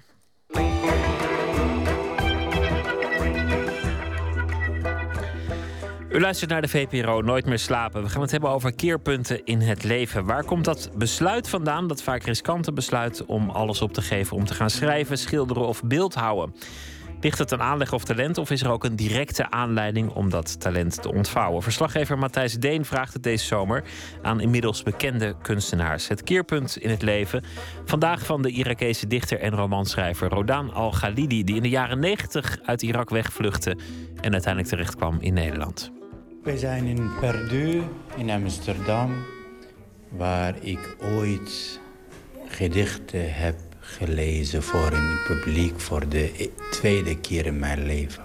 Kijk, daar. Rodano Galidi komt graag in Perdue. Trillend. Het podium voor dichters aan de. Kloveniersburgwal in Amsterdam. Een mooie plek.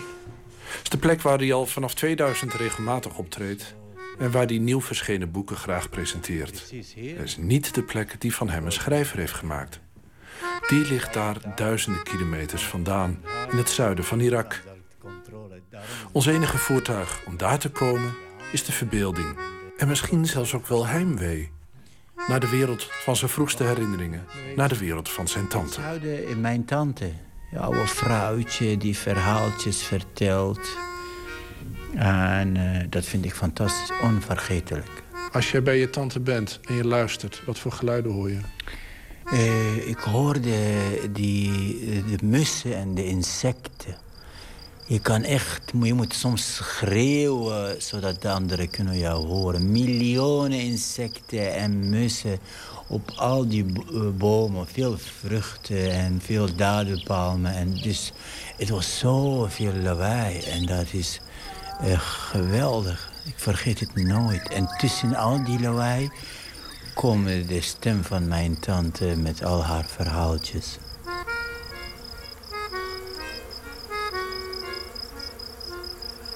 Als de insecten en de vogels stil worden, dan horen wij mermeries, een klein riviertje. Het is zo raar dat de stilte daar heeft een stem. Voor ons, de rivier heeft geen stem, maar het is een soort stilte. Soms, voorbeeld in Nederlandse dorpjes, eh, ik hoor echt de stilte. Alsof niks leeft om je heen. Alsof jij in een andere planeet. Dat is echt doodeng voor mij. Dit is een negatieve, dode, zware stilte. Voor mij de stilte moet een riviertje bij. Vogeltje. Ademing van iemand. Het moet iets bij. Is het een dorp waar we nu zijn? Ja, ja, heel klein dorpje tussen de dadelpalmen. Kleine riviertjes van de Eufraat. Je hoort alsof de wind wil verstoppen achter de dadelpalmen. Alsof de wind bang is. En dat is het mooi. Hier de wind een beetje stoerder. De wind in Nederland wil alles afbreken. Deuren, ramen, muren. Daar nee. Daar de omgeving is sterker dan de wind.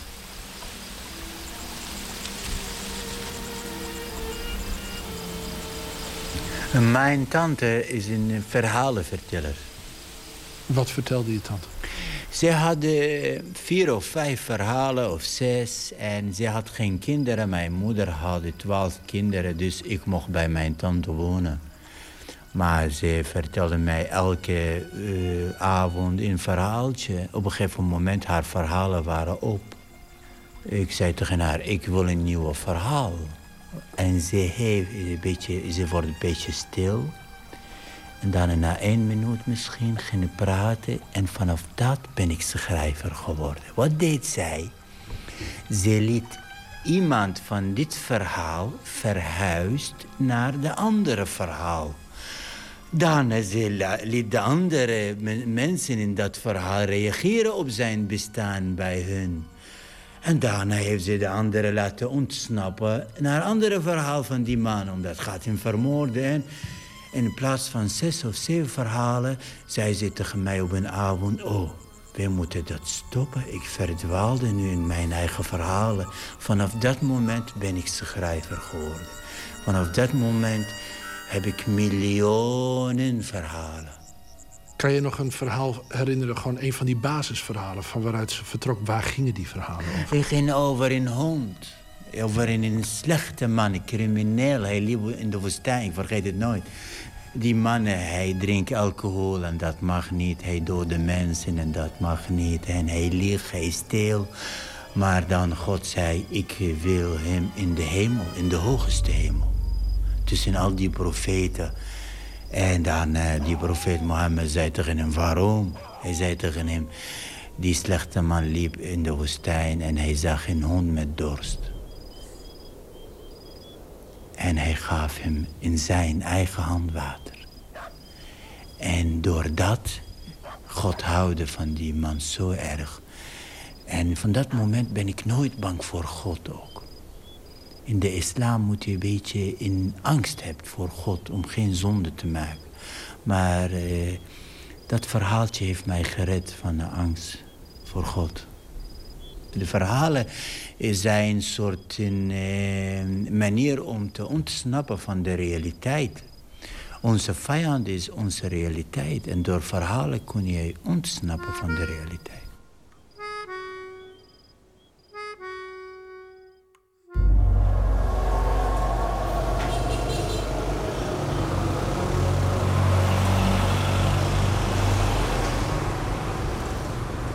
Ja, ging, hoe oud was je toen je naar Bagdad ging? Uh, wonen, toen wij in Bagdad gingen wonen, misschien... Ik weet niet hoe oud ben ik precies, maar misschien tien... toen wij verhuisden naar Bagdad. Dat is dus een heel andere wereld dan het kleine dorp in het zuiden? Ja, zeker. Bagdad, meteen kom je van een klein dorp naar vijf miljoen mensen. Mensen die boeken lezen, muziek spelen, muziekscholen, zwembaden... Eh, vliegveld, vliegtuigen in de lucht.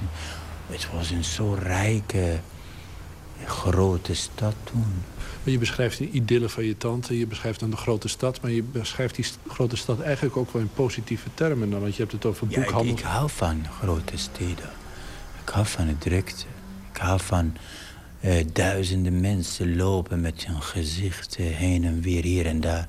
Ik zou graag, als ik ooit veel geld heb, koop ik een hele grote huis met grote tuin naast een heel grote stad. Dan fiets ik naar de drukte, verdwaal ik een paar uurtjes.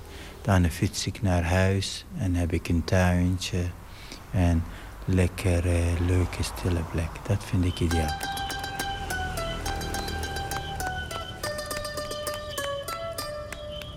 De mooiste geluiden in de stad is de geluid van de drukte. Niet in, in de kop van een mens, maar buiten.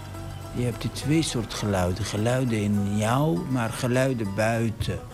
Eh, Dat af en toe vind ik het een geweldige afleiding. Dan word ik er rustiger van. Zoals die stemapparaatje. Je pakte het en na twee minuten bestem je jouw gitaar goed, dan gooi je het weg. Maar zonder die apparaatje speel je vals. Zo heb ik de stad nodig als een stemapparaat. Er waren niet meer de verhalen van je tante. Kwamen er andere verhalen voor in de plaats? Ja, ik kom naar Bagdad. Dan hoef ik niet alleen maar eh, religieuze boeken te...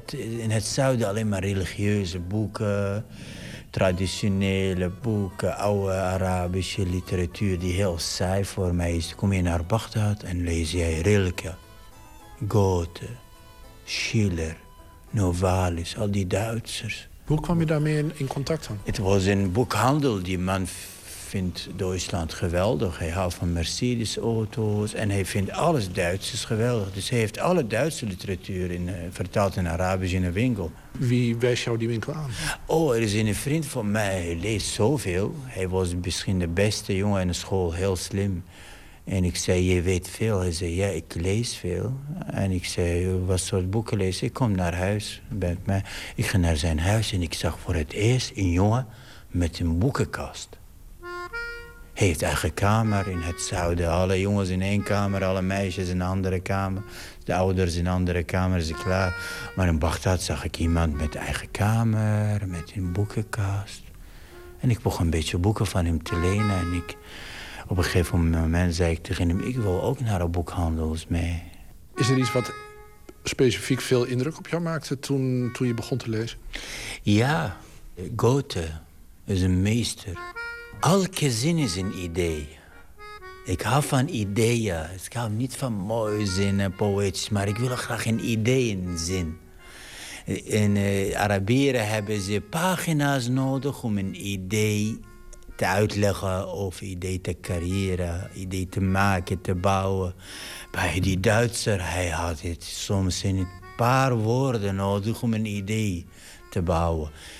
Dan las ik ook eh, gedichten en waarheden, zijn biografie. En dan las ik ook eh, andere werk van hem. Dat vond ik fantastisch, omdat in de Arabische oude literatuur, waar ben ik opgegroeid, mee opgegroeid, heb, eh, de schoonheid is de wijsheid van het boek. Maar bij de Duitsers, de schoonheid is de realiteit. Hoe breng je de realiteit in poëtische manier? Of jouw gedachten op papier? Dat was voor mij een revolutie.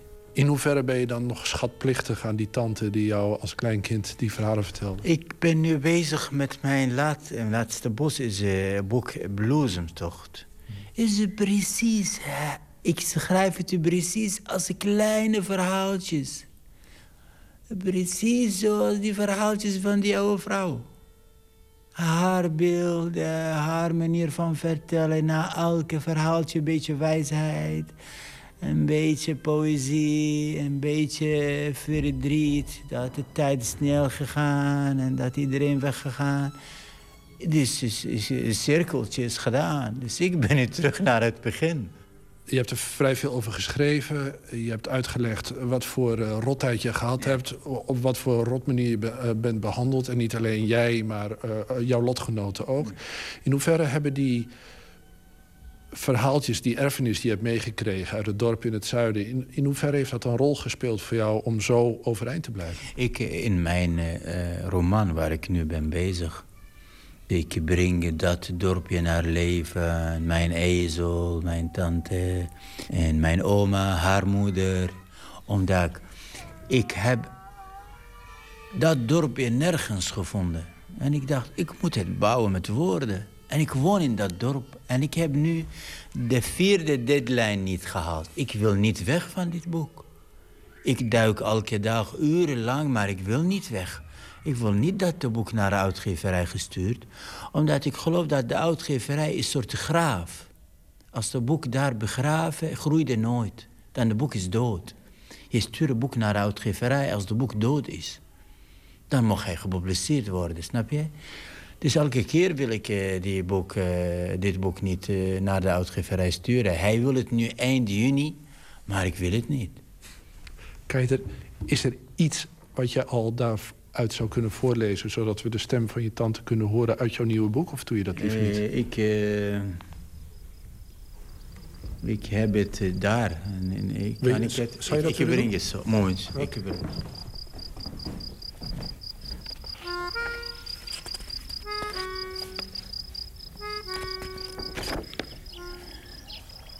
Er was ooit een boom op een oever. Ze zag de vogels vliegen. En ik, dacht ze, ik sta hier vast. Ook als ik sterf, blijf ik hier staan. Ze haalde en bladeren en nesten vielen uit haar ogen. Dit is mijn lot, geen voeten geen vleugels of vinnen, maar wortels. Ik kan zelfs niet draaien om te zien wat mijn achterkant en wat mijn voorkant is. De rivier was de enige die ze kon vertrouwen. Ze riep hem, Hé lieve rivier, kun je even stoppen? Ik moet je iets vertellen. De golven zeiden dat de rivier niet naar de boom moest luisteren en niet moest stoppen. De rivier vroeg verbaasd waarom. Omdat jouw stilstaan ons dood is. Het zevende deel van Het Keerpunt, een serie gemaakt door Matthijs Deen. Maandag gaan we op pad met schrijfster en illustratrice Joke van Leeuwen naar de Brusselse buurt Etterbeek waar ze midden jaren 60 uh, terecht kwam. De Amerikaanse singer-songwriter Julia Holter experimenteert met muzikale stijlen en smelt ze aan één tot een nieuw geheel. Blijkt ook uit de nieuwe single met twee A-kanten. Dat is heel ouderwets twee kanten van de single, maar goed. Twee uh, liedjes zijn uh, belangrijk. Hello Stranger van Barbara Lewis uit 1963 is origineel. En uh, aan de andere kant dan het liedje van Dionne Warwick, Don't Make Me Over. Oorspronkelijk uit 1962 geschreven door Burt Bacharach en Hal David. Don't make me over now that I do anything for you. Don't make me over now that you know how I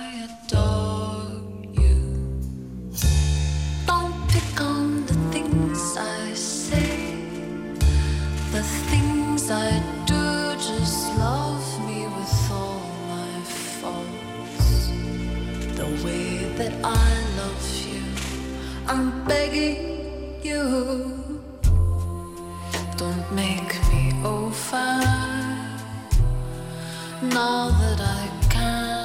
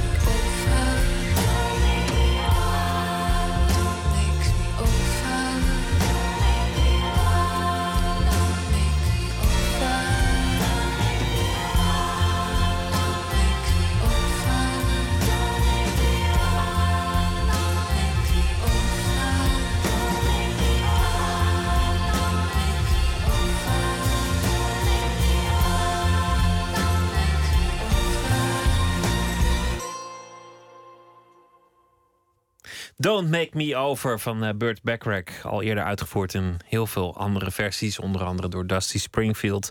Maar dit was de uitvoering eh, van nu van Julia Holter. Nooit meer slapen. De ouderwetse film, celluloid, celluloïde zou je het in het Nederlands moeten noemen. De analoge drager van het bewegend beeld staat op het punt te verdwijnen. Bijna niemand gebruikt het nog. Het is het eh, digitale tijdperk tenslotte. Maar dat is zeer tegen de zin van een aantal grote regisseurs. Zoals Quentin Tarantino, Christopher Nolan, Judd Apatow en J.J. Abrams. Ze hebben er tegen gelobbyd en met succes, want de filmfabriek van Kodak blijft voorlopig open. open. Uh, Botte Jellema zit hier in de studio, weet er alles van. Ja. Welkom.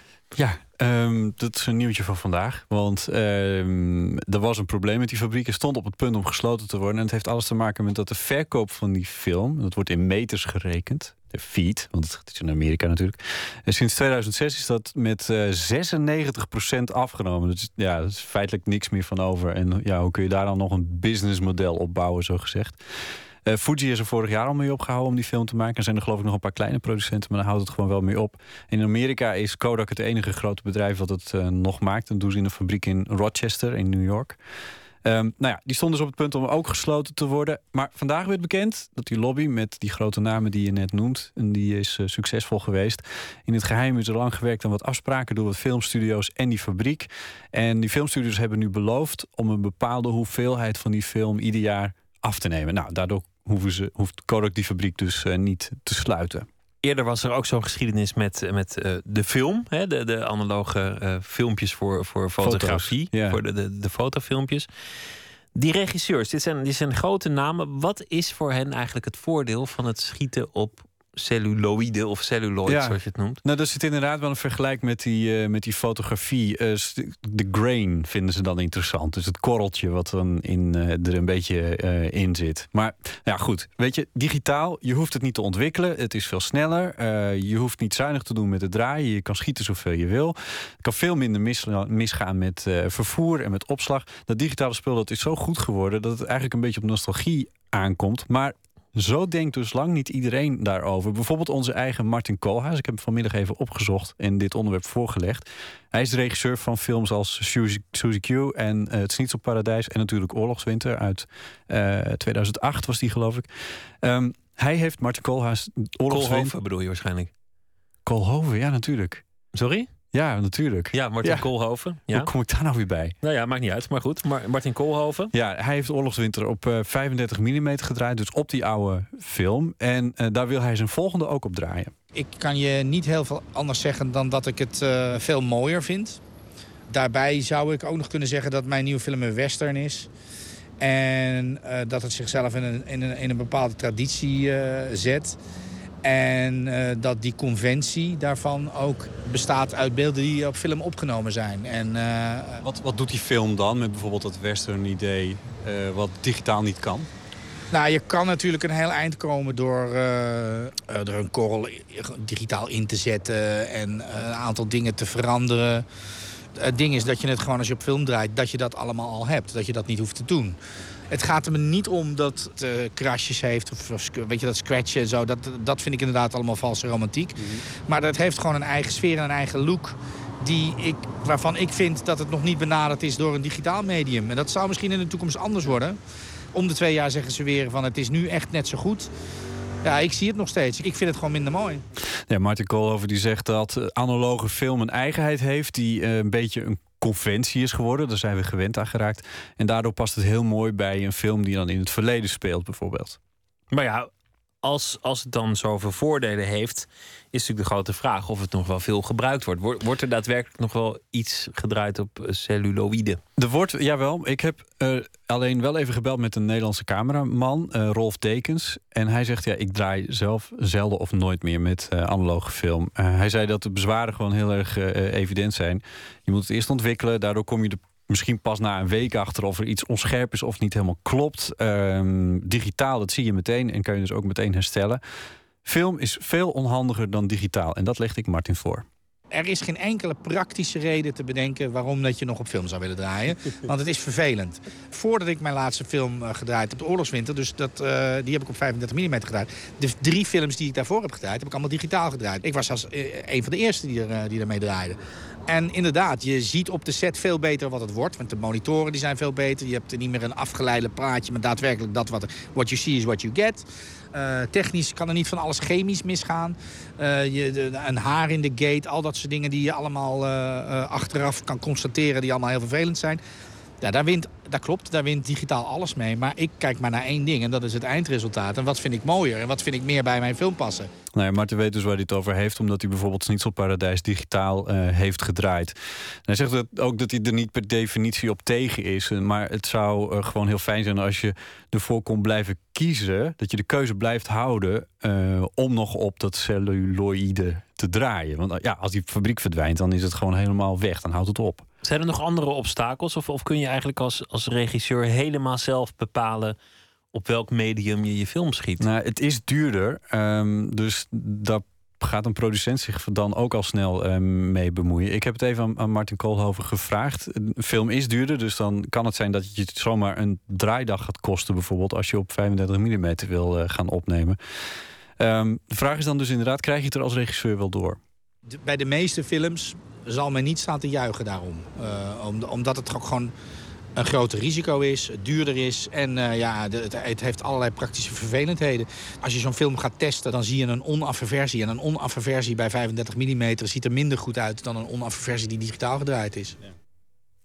Het hangt er dus ook een beetje vanaf of, of je de statuur hebt, of, ja. of, de macht of de, of de positie. Ja, Aan het ja. begin noemde je al die hele grote namen van regisseurs, die kunnen dat wel maken, maar ja, nou, dat geldt niet voor iedereen. Martin Koolhoven is het dus ook van plan voor zijn nieuwe film. Ik had, kreeg niet het dat wordt een western, dus hij wilde dat heel graag een beetje in die oude, in die, die oude korrel hebben. Ik kreeg niet het idee dat hij dat er al helemaal door had. Dat dat, dat ook daadwerkelijk op oude film gaat worden gedraaid. Maar hij zei in ieder geval, dit nieuws, dat die Kodak-fabriek dus op een nippertje gered is betekent in ieder geval dat hij heel snel die nieuwe film moet gaan maken. als hij het nog op 35 mm wil, uh, wil gaan draaien. Hij had niet gedacht dat het zo heel erg snel zou gaan met, uh, met zo'n fabriek. Al was het maar bijvoorbeeld omdat, uh, zo vertelde hij mij, bij de Oscar-nominaties zijn er acht of negen films geweest die op ouderwets films zijn gedraaid. En bij het beste camerawerk, er is ook een Oscar voor. dat heet dan cinematografie, cinematography, zoiets waarschijnlijk, ik weet niet precies. Um, al die, alle films, die, alle Oscars die daar naartoe zijn gegaan, dat is, dat is allemaal camerawerk op, uh, op ouderwetse uh, film. Nou ja, dat, hij zei, Martin Koolhoven zei, dat is toch wel een aanwijzing dat het toch wel wat uitmaakt waar je op draait, of digitaal is of niet. Ik hou gewoon ook heel erg van dat geknetter van, van, van een film. Dat, dat ligt ook een beetje aan de projector, maar ja. alles digitaal. Een, een, een nou, film moet een beetje knetteren. Toch? Ja, maar he, dan moet je wel even zoeken nog in Nederland. Wil je dat nog horen? Want in Nederland, Martin zei dat ook tegen mij. Hij zei, dit, eigenlijk alle bioscopen, dat, dus, dit zitten gewoon uh, beamers in tegenwoordig. Ja, hele chique natuurlijk. Maar, maar toch, het is allemaal digitaal al wat daar geprojecteerd wordt. Het is echt uh, zoeken straks. Ja, we mochten het geloof ik eigenlijk niet vertellen, maar de, de, de nieuwe film van Tarantino dat wordt ook een western, geloof ik. Die, uh, die wil die. Tarantino is er heel rechtlijnig in. Die wil alles alleen maar op dat uh, celluloïde hebben. En uh, hij wil ook dat het in de bioscoop dus inderdaad zo lekker gaat knetteren, zoals jij dat uh, wil. Maar ja, dat wordt dan nog spannend hoe hij dat in Nederland toch voor elkaar moet krijgen. Want er zijn maar heel weinig bioscopen meer die dat nog hebben staan in hun uh, bioscoopzalen. Dus ja, dat wordt nog interessant. Een pleidooi voor het uh, geknetter. Botte Jellema, dank je wel. Graag gedaan. En een goede nacht. We gaan uh, luisteren naar uh, muziek. Een legende uit de bluesmuziek. Al uh, heel erg lang actief en ook nog steeds. Buddy Guy, Sit and Cry the Blues.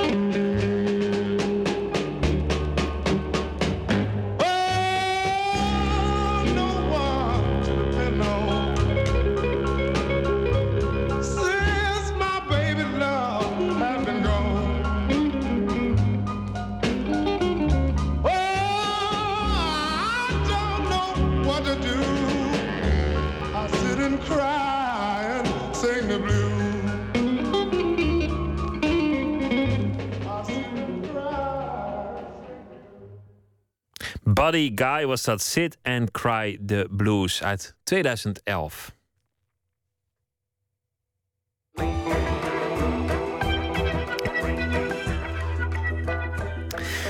Deze hele maand herhalen we verhalen die eerder werden uitgezonden in het uh, VPRO-radioprogramma Plots. Het uh, thema was familiealbum, met familieportretten zoals ze niet in de albums terechtkomen, althans niet bij voorkeur. Wat doe je bijvoorbeeld als je alle contact met je familie hebt verbroken of bent kwijtgeraakt en alleen een vage idee hebt waar je ze nog zou kunnen vinden? Je kunt dan natuurlijk contact opnemen met de redactie van een programma als Spoorloos. Maar je kunt het ook allemaal zelf doen. En dan is de vraag: wat hoop je aan te treffen? Wat denk je precies te vinden? Luister naar Allemaal Familie, een verhaal opgetekend door Chris Baayema. We hadden één groot, uh, één groot bed, zeg maar, waar we met z'n allen in sliepen. En dat was zo'n houten, houten plank. En mijn uh, zus sliep dan uh, bij mijn moeder, naast mijn moeder. En de jongen sliep dan naast de vader. Dit is Motalib, 42 jaar en begin jaren 70 ongeveer zes jaar oud als hij woont met zijn familie in het armoedige Bangladesh in een huisje van 12 vierkante meter. En op een dag vlucht hij van huis. En dat heeft alles te maken met zijn vader, die waarschijnlijk vanuit frustratie over de armoede zijn handen niet kan thuislaten. Om maar wat te noemen. Als mijn moeder bijvoorbeeld geld uit de portemonnee had gehaald van mijn vader, om bijvoorbeeld eten voor ons te kopen of wat dan ook, dan, uh, en mijn vader kwam erachter. Nou, dan werd ze gewoon vastgebonden aan, uh, aan, aan de trap van het huis wat we hadden. En dan werd er flink uh, op losgeramd. Het ging zo ver dat zij geprobeerd heeft om zelfmoord te plegen door het innemen van gif. Ook de kinderen, Motaliep heeft nog een zus en drie broers, zijn vaak het slachtoffer. Hij bond ons ook wel eens vast en dan flink afranselen. Hier zou ze het mishandeling noemen, maar daar, daar is het gewoon eigenlijk. En dan is er die nacht dat hij besluit dat hij weg moet. In, in Bangladesh heb je een gewoonte, die, die mensen die hebben dan rijst... en die bewaren zeg maar rijst voor de volgende morgen, om, als ze dat kunnen, voor ontbijt. Ik had s'nachts dus zoveel honger gekregen dat ik die rijst had opgegeten. En die deksels uh, beginnen een beetje uh, te veel geluid te maken. En ja, dat was zoveel geluid dat ik op een gegeven moment dus uit angst weggelopen ben om geen pak slaag van mijn vader te krijgen. Hij verstopt zich in het bos rond het dorp en gaat de volgende dag mee als verstekeling op een boot richting de stad. Boerisal, blijkt later. Ik, ik stap af en ik kom daar op de kade. En, en langs de kade staan her en der wat van die kraampjes... waar ze van die uh, droge pannenkoeken bakken, zeg maar. En ik had dus honger. Ja, je hebt de hele dag honger, hè? ja. En uh, ik ben uh, naar die mensen toegestapt en gevraagd of ik ook zo'n pannenkoek kon krijgen. Nou, sommigen die gaven dan inderdaad wel wat. En dan had je je buik even weer gevuld. En als je buik gevuld was, dan ging je een beetje op verkenning uit van wat is het nou voor een stad. En zo langzamerhand leerde ik verschillende steden kennen als zwervend. En elke haven werd een thuisplek voor mij. De dagen van het zwerversbestaan kennen een vrij vaststaand patroon. Ja, ik sta op en ik ga bedelen. Want ik moet natuurlijk mijn maag gevuld hebben. Voordat ik misschien aan andere dingen kan denken. Wat ik dan uh, deed was gewoon iemand aan zijn been vastklampen. Ja, dat, dat, dat, dat is de, de, ergste nederigheid die je kan tonen naar iemand. En ja, dat deed ik regelmatig. Aan het been meegesleurd tot ze iemand iets, iets gaven. Motalib gaat nog een paar keer naar huis. Maar als hij zijn jongere broertje probeert mee te nemen, maakt zijn vader hem duidelijk dat hij nooit meer hoeft terug te komen. Hij gaat dan in zijn eentje op weg naar de hoofdstad Dhaka. En op een gegeven moment komt er uh, een man en die was uh, met allemaal kinderen aan het praten. En toen zei een van mijn vrienden, zei, die man die eh, zorgt ervoor dat kinderen eh, in een rijk land terechtkomen. Als de man hem aanspreekt, zegt Motalib dat zijn vader dood is en zijn moeder zo ziek dat ze niet voor hem kan zorgen. En dus mag hij mee. Toen kwam ik in het tehuis voor internationale adoptie. Hij krijgt nieuwe kleren, voor het eerst slippers aan zijn voeten. Er worden foto's van hem gemaakt. En niet lang daarna gaat hij op reis naar zijn adoptieouders in Nederland. Eh, ik, ik was in het paradijs gekomen. Dus wat, wat, wat wil een kind nog meer? Motalib groeit hier in Nederland op in een liefdevol gezin, maar is zijn familie in Bangladesh nooit vergeten. Dus ik dacht, eh, nou, als ik mijn school afgerond heb en eh, ik heb geld gespaard, dan wil ik terug naar Bangladesh om, om ze te, weer te gaan zoeken.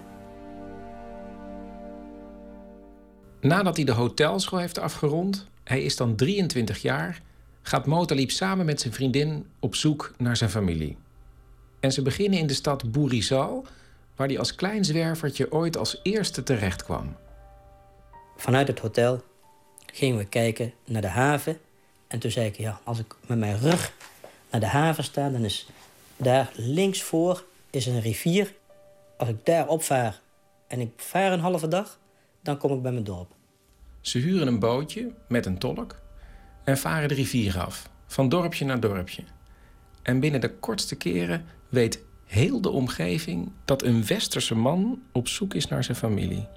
En wat we daar tegenkwamen, dat was echt. Iedereen wist wel, oh ja, daar is een familie, de zoon kwijtgeraakt, daar en daar. En van heinde en verre eh, kregen we allemaal mensen die wel wat wisten. En die ook beweerden van, ja, je bent de zoon van die, dus dan moet je daar naartoe. Ja, als dat een klein beetje geloofwaardig bleek te zijn, dan gingen wij ook inderdaad met dat bootje weer iets verder daar naartoe. En zo gingen we dat hele gebied gewoon af. Maar dat was, al die mensen waren zo overweldigend. Iedereen zei wel wat, dus overal moesten wij ook naartoe. Alles kon een aanwijzing zijn. Als ze een paar dagen later nog geen enkel aanknopingspunt hebben, besluiten ze het over een andere boeg te gooien. Ze gaan terug naar een hotel in Boerizal en laten 2500 pamfletten drukken met een oproep. Ja, een paar namen van de familie en eh, dat ik naar het buitenland was eh, gegaan ter adoptie. Eh, en voor de rest niks. En we dachten, nou, dan wachten we gewoon af, kijken hoeveel mensen dat er eh, op afkomen en eh, gaan naar bed en de volgende morgen dan eh, zien we het wel weer. We staan op en je gelooft het niet, staan s'morgens vroeg al horden mensen voor dat hotel. Echt horden mensen. En die stonden dus van morgens vroeg tot 's avonds laat stonden ze voor het hotel. En dat tien dagen lang. Ja, die wilden dus allemaal met ons praten. Niemand had kunnen realiseren dat er zoveel mensen op zouden afkomen. Dus wij waren, stonden 's morgens op. Eerst wat we deden was natuurlijk wassen en snel even wat eten. En daarna, hup, begonnen de interviews op ons hotelkamer. Alles, alles is, je kunt het niet voorstellen, alles is langs geweest. Ooms, tantes, broers, zussen, eh, eh, zelfs eh, een, een jongen. Nou moet ik echt gaan staan, die was zo lang, echt een Bengaalse jongen. Die was, ik denk, bijna tegen de twee meter aan. En die zegt van, ik ben jouw broer. Nou, ik denk, nou, wat is er met mij gebeurd dan? In godsnaam, wat, wat is er? En dan krijg je iemand die zegt van, nou, doe maar jouw blouse even uit zo. En dan zie je, hier heb jij een vlek. Een moedervlek of wat dan ook. Dat deed hij. En dan trok hij gewoon mijn shirt eventjes uit. Zo. En dan Als ze dan voor de rest geen aanwijzing hadden, was het snel weer naar buiten gewerkt. Na tien dagen zonder enig resultaat besluiten ze te gaan stoppen. Echt op het allerlaatste moment. En dan komt er een jongen en die zegt, ik ben je broer. Omdat ze het zo vaak hebben gehoord, sturen ze de jongen weg.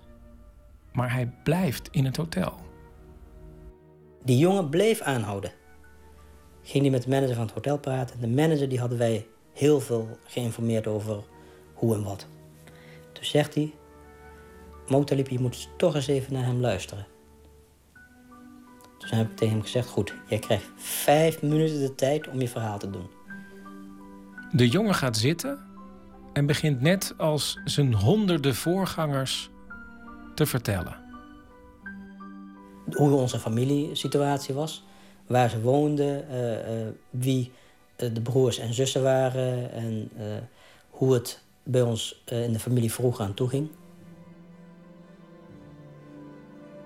Hij vertelde van de zelfmoordpoging van mijn moeder. En wat hij ook mij vertelde is dat ik hem had eh, proberen mee te nemen.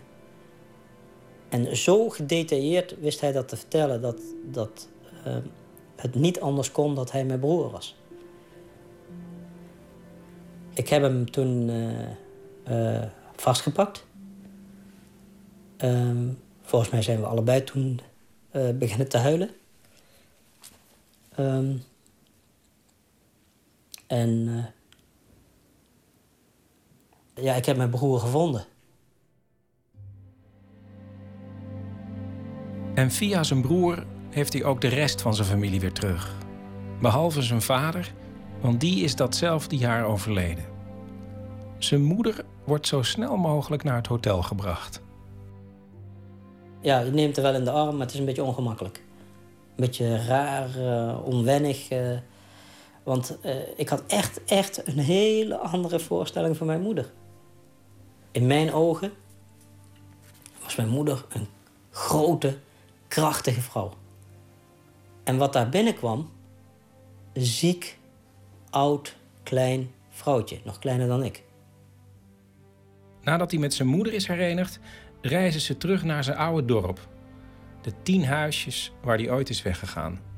Na al 50 meter gelopen te hebben, zeg ik tegen iedereen: blijven jullie maar hier, ik loop wel naar mijn huis. Dat was het moment toen ik dacht van nu ben ik thuis.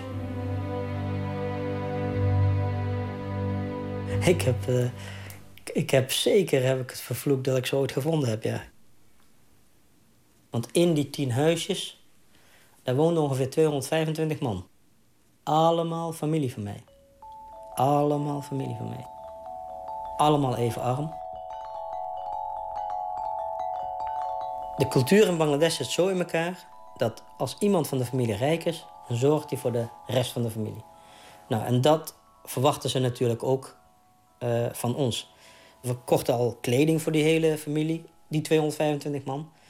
En ze hadden dus ook de verwachting dat wij gewoon eten en alles voor die hele familie zouden zorgen. Nou, dat hebben we wel meteen aangegeven dat we dat op een gegeven moment niet konden, want ons geld raakte op. En, ehm, maar we hebben wel gezegd van, we gaan weer terug naar Nederland en we komen terug om jullie te helpen. En over hulp wordt in de familie nogal verschillend gedacht. Ja, mijn moeder wilde gewoon dat, dat ik het geld gewoon aan hun gaf en, en, en dat ze gewoon zelf konden doen en laten wat ze wilden. Motalib en zijn vrouw hebben echter een heel ander idee. Ze zetten een stichting op die projecten moet financieren. Zijn broer heeft wel een idee. Hij zegt, geef dat geld maar, ik zet een grote fabriek op. Ja, ik denk, iemand die niet kan lezen, die niet kan schrijven... moet hij in godsnaam een fabriek opzetten?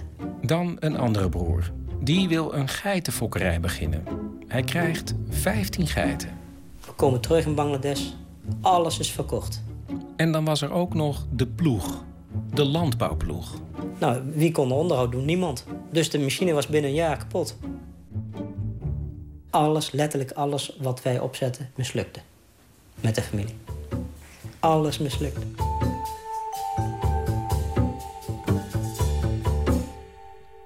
Dus daarom zijn we eh, gewoon naar andere, andere mensen gaan kijken. En met de instelling, als wij het gebied kunnen ontwikkelen voor de familie, dan gaat de familie daarin mee. En dus is de stichting de afgelopen 17 jaar van alles begonnen. Ze hebben een agrarisch project in de omgeving met een bereik van meer dan 3000 huishoudens. Ze hebben twee klinieken geopend voor moeder en kind, 13.000 patiënten per jaar. Ze hebben twee weeshuizen en een waterproject voor 1 miljoen mensen. En zijn familie? Dezelfde situatie als, als waar het mee begon. Dat zij gewoon verwachten dat je ze gewoon alleen maar geld blijft geven... en voor de rest interesseert ze allemaal niet zoveel. En toch, ondanks alles, Ik ben hartstikke blij dat ik mijn familie gevonden heb. Eh, het, het heeft mijn leven compleet gemaakt. Het gemis van eh, eh, het niet weten of je familie nog leeft... Dat, dat gemis is er niet meer.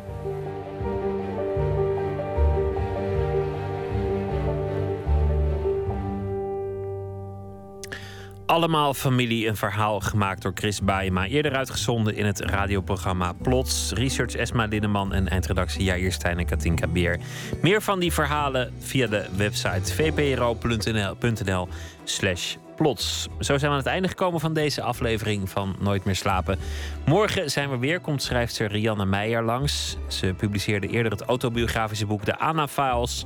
Een verslag van een jaar in een anorexia-kliniek. En nu verschijnt haar fictiedebuut De Onverschrokken Lafaard. Over een weduwnaar van 27.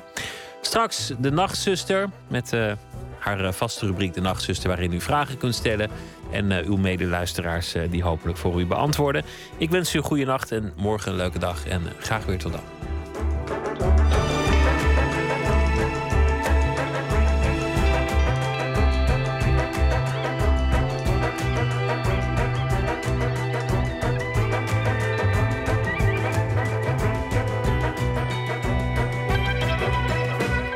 Op Radio 1, het nieuws van alle kanten.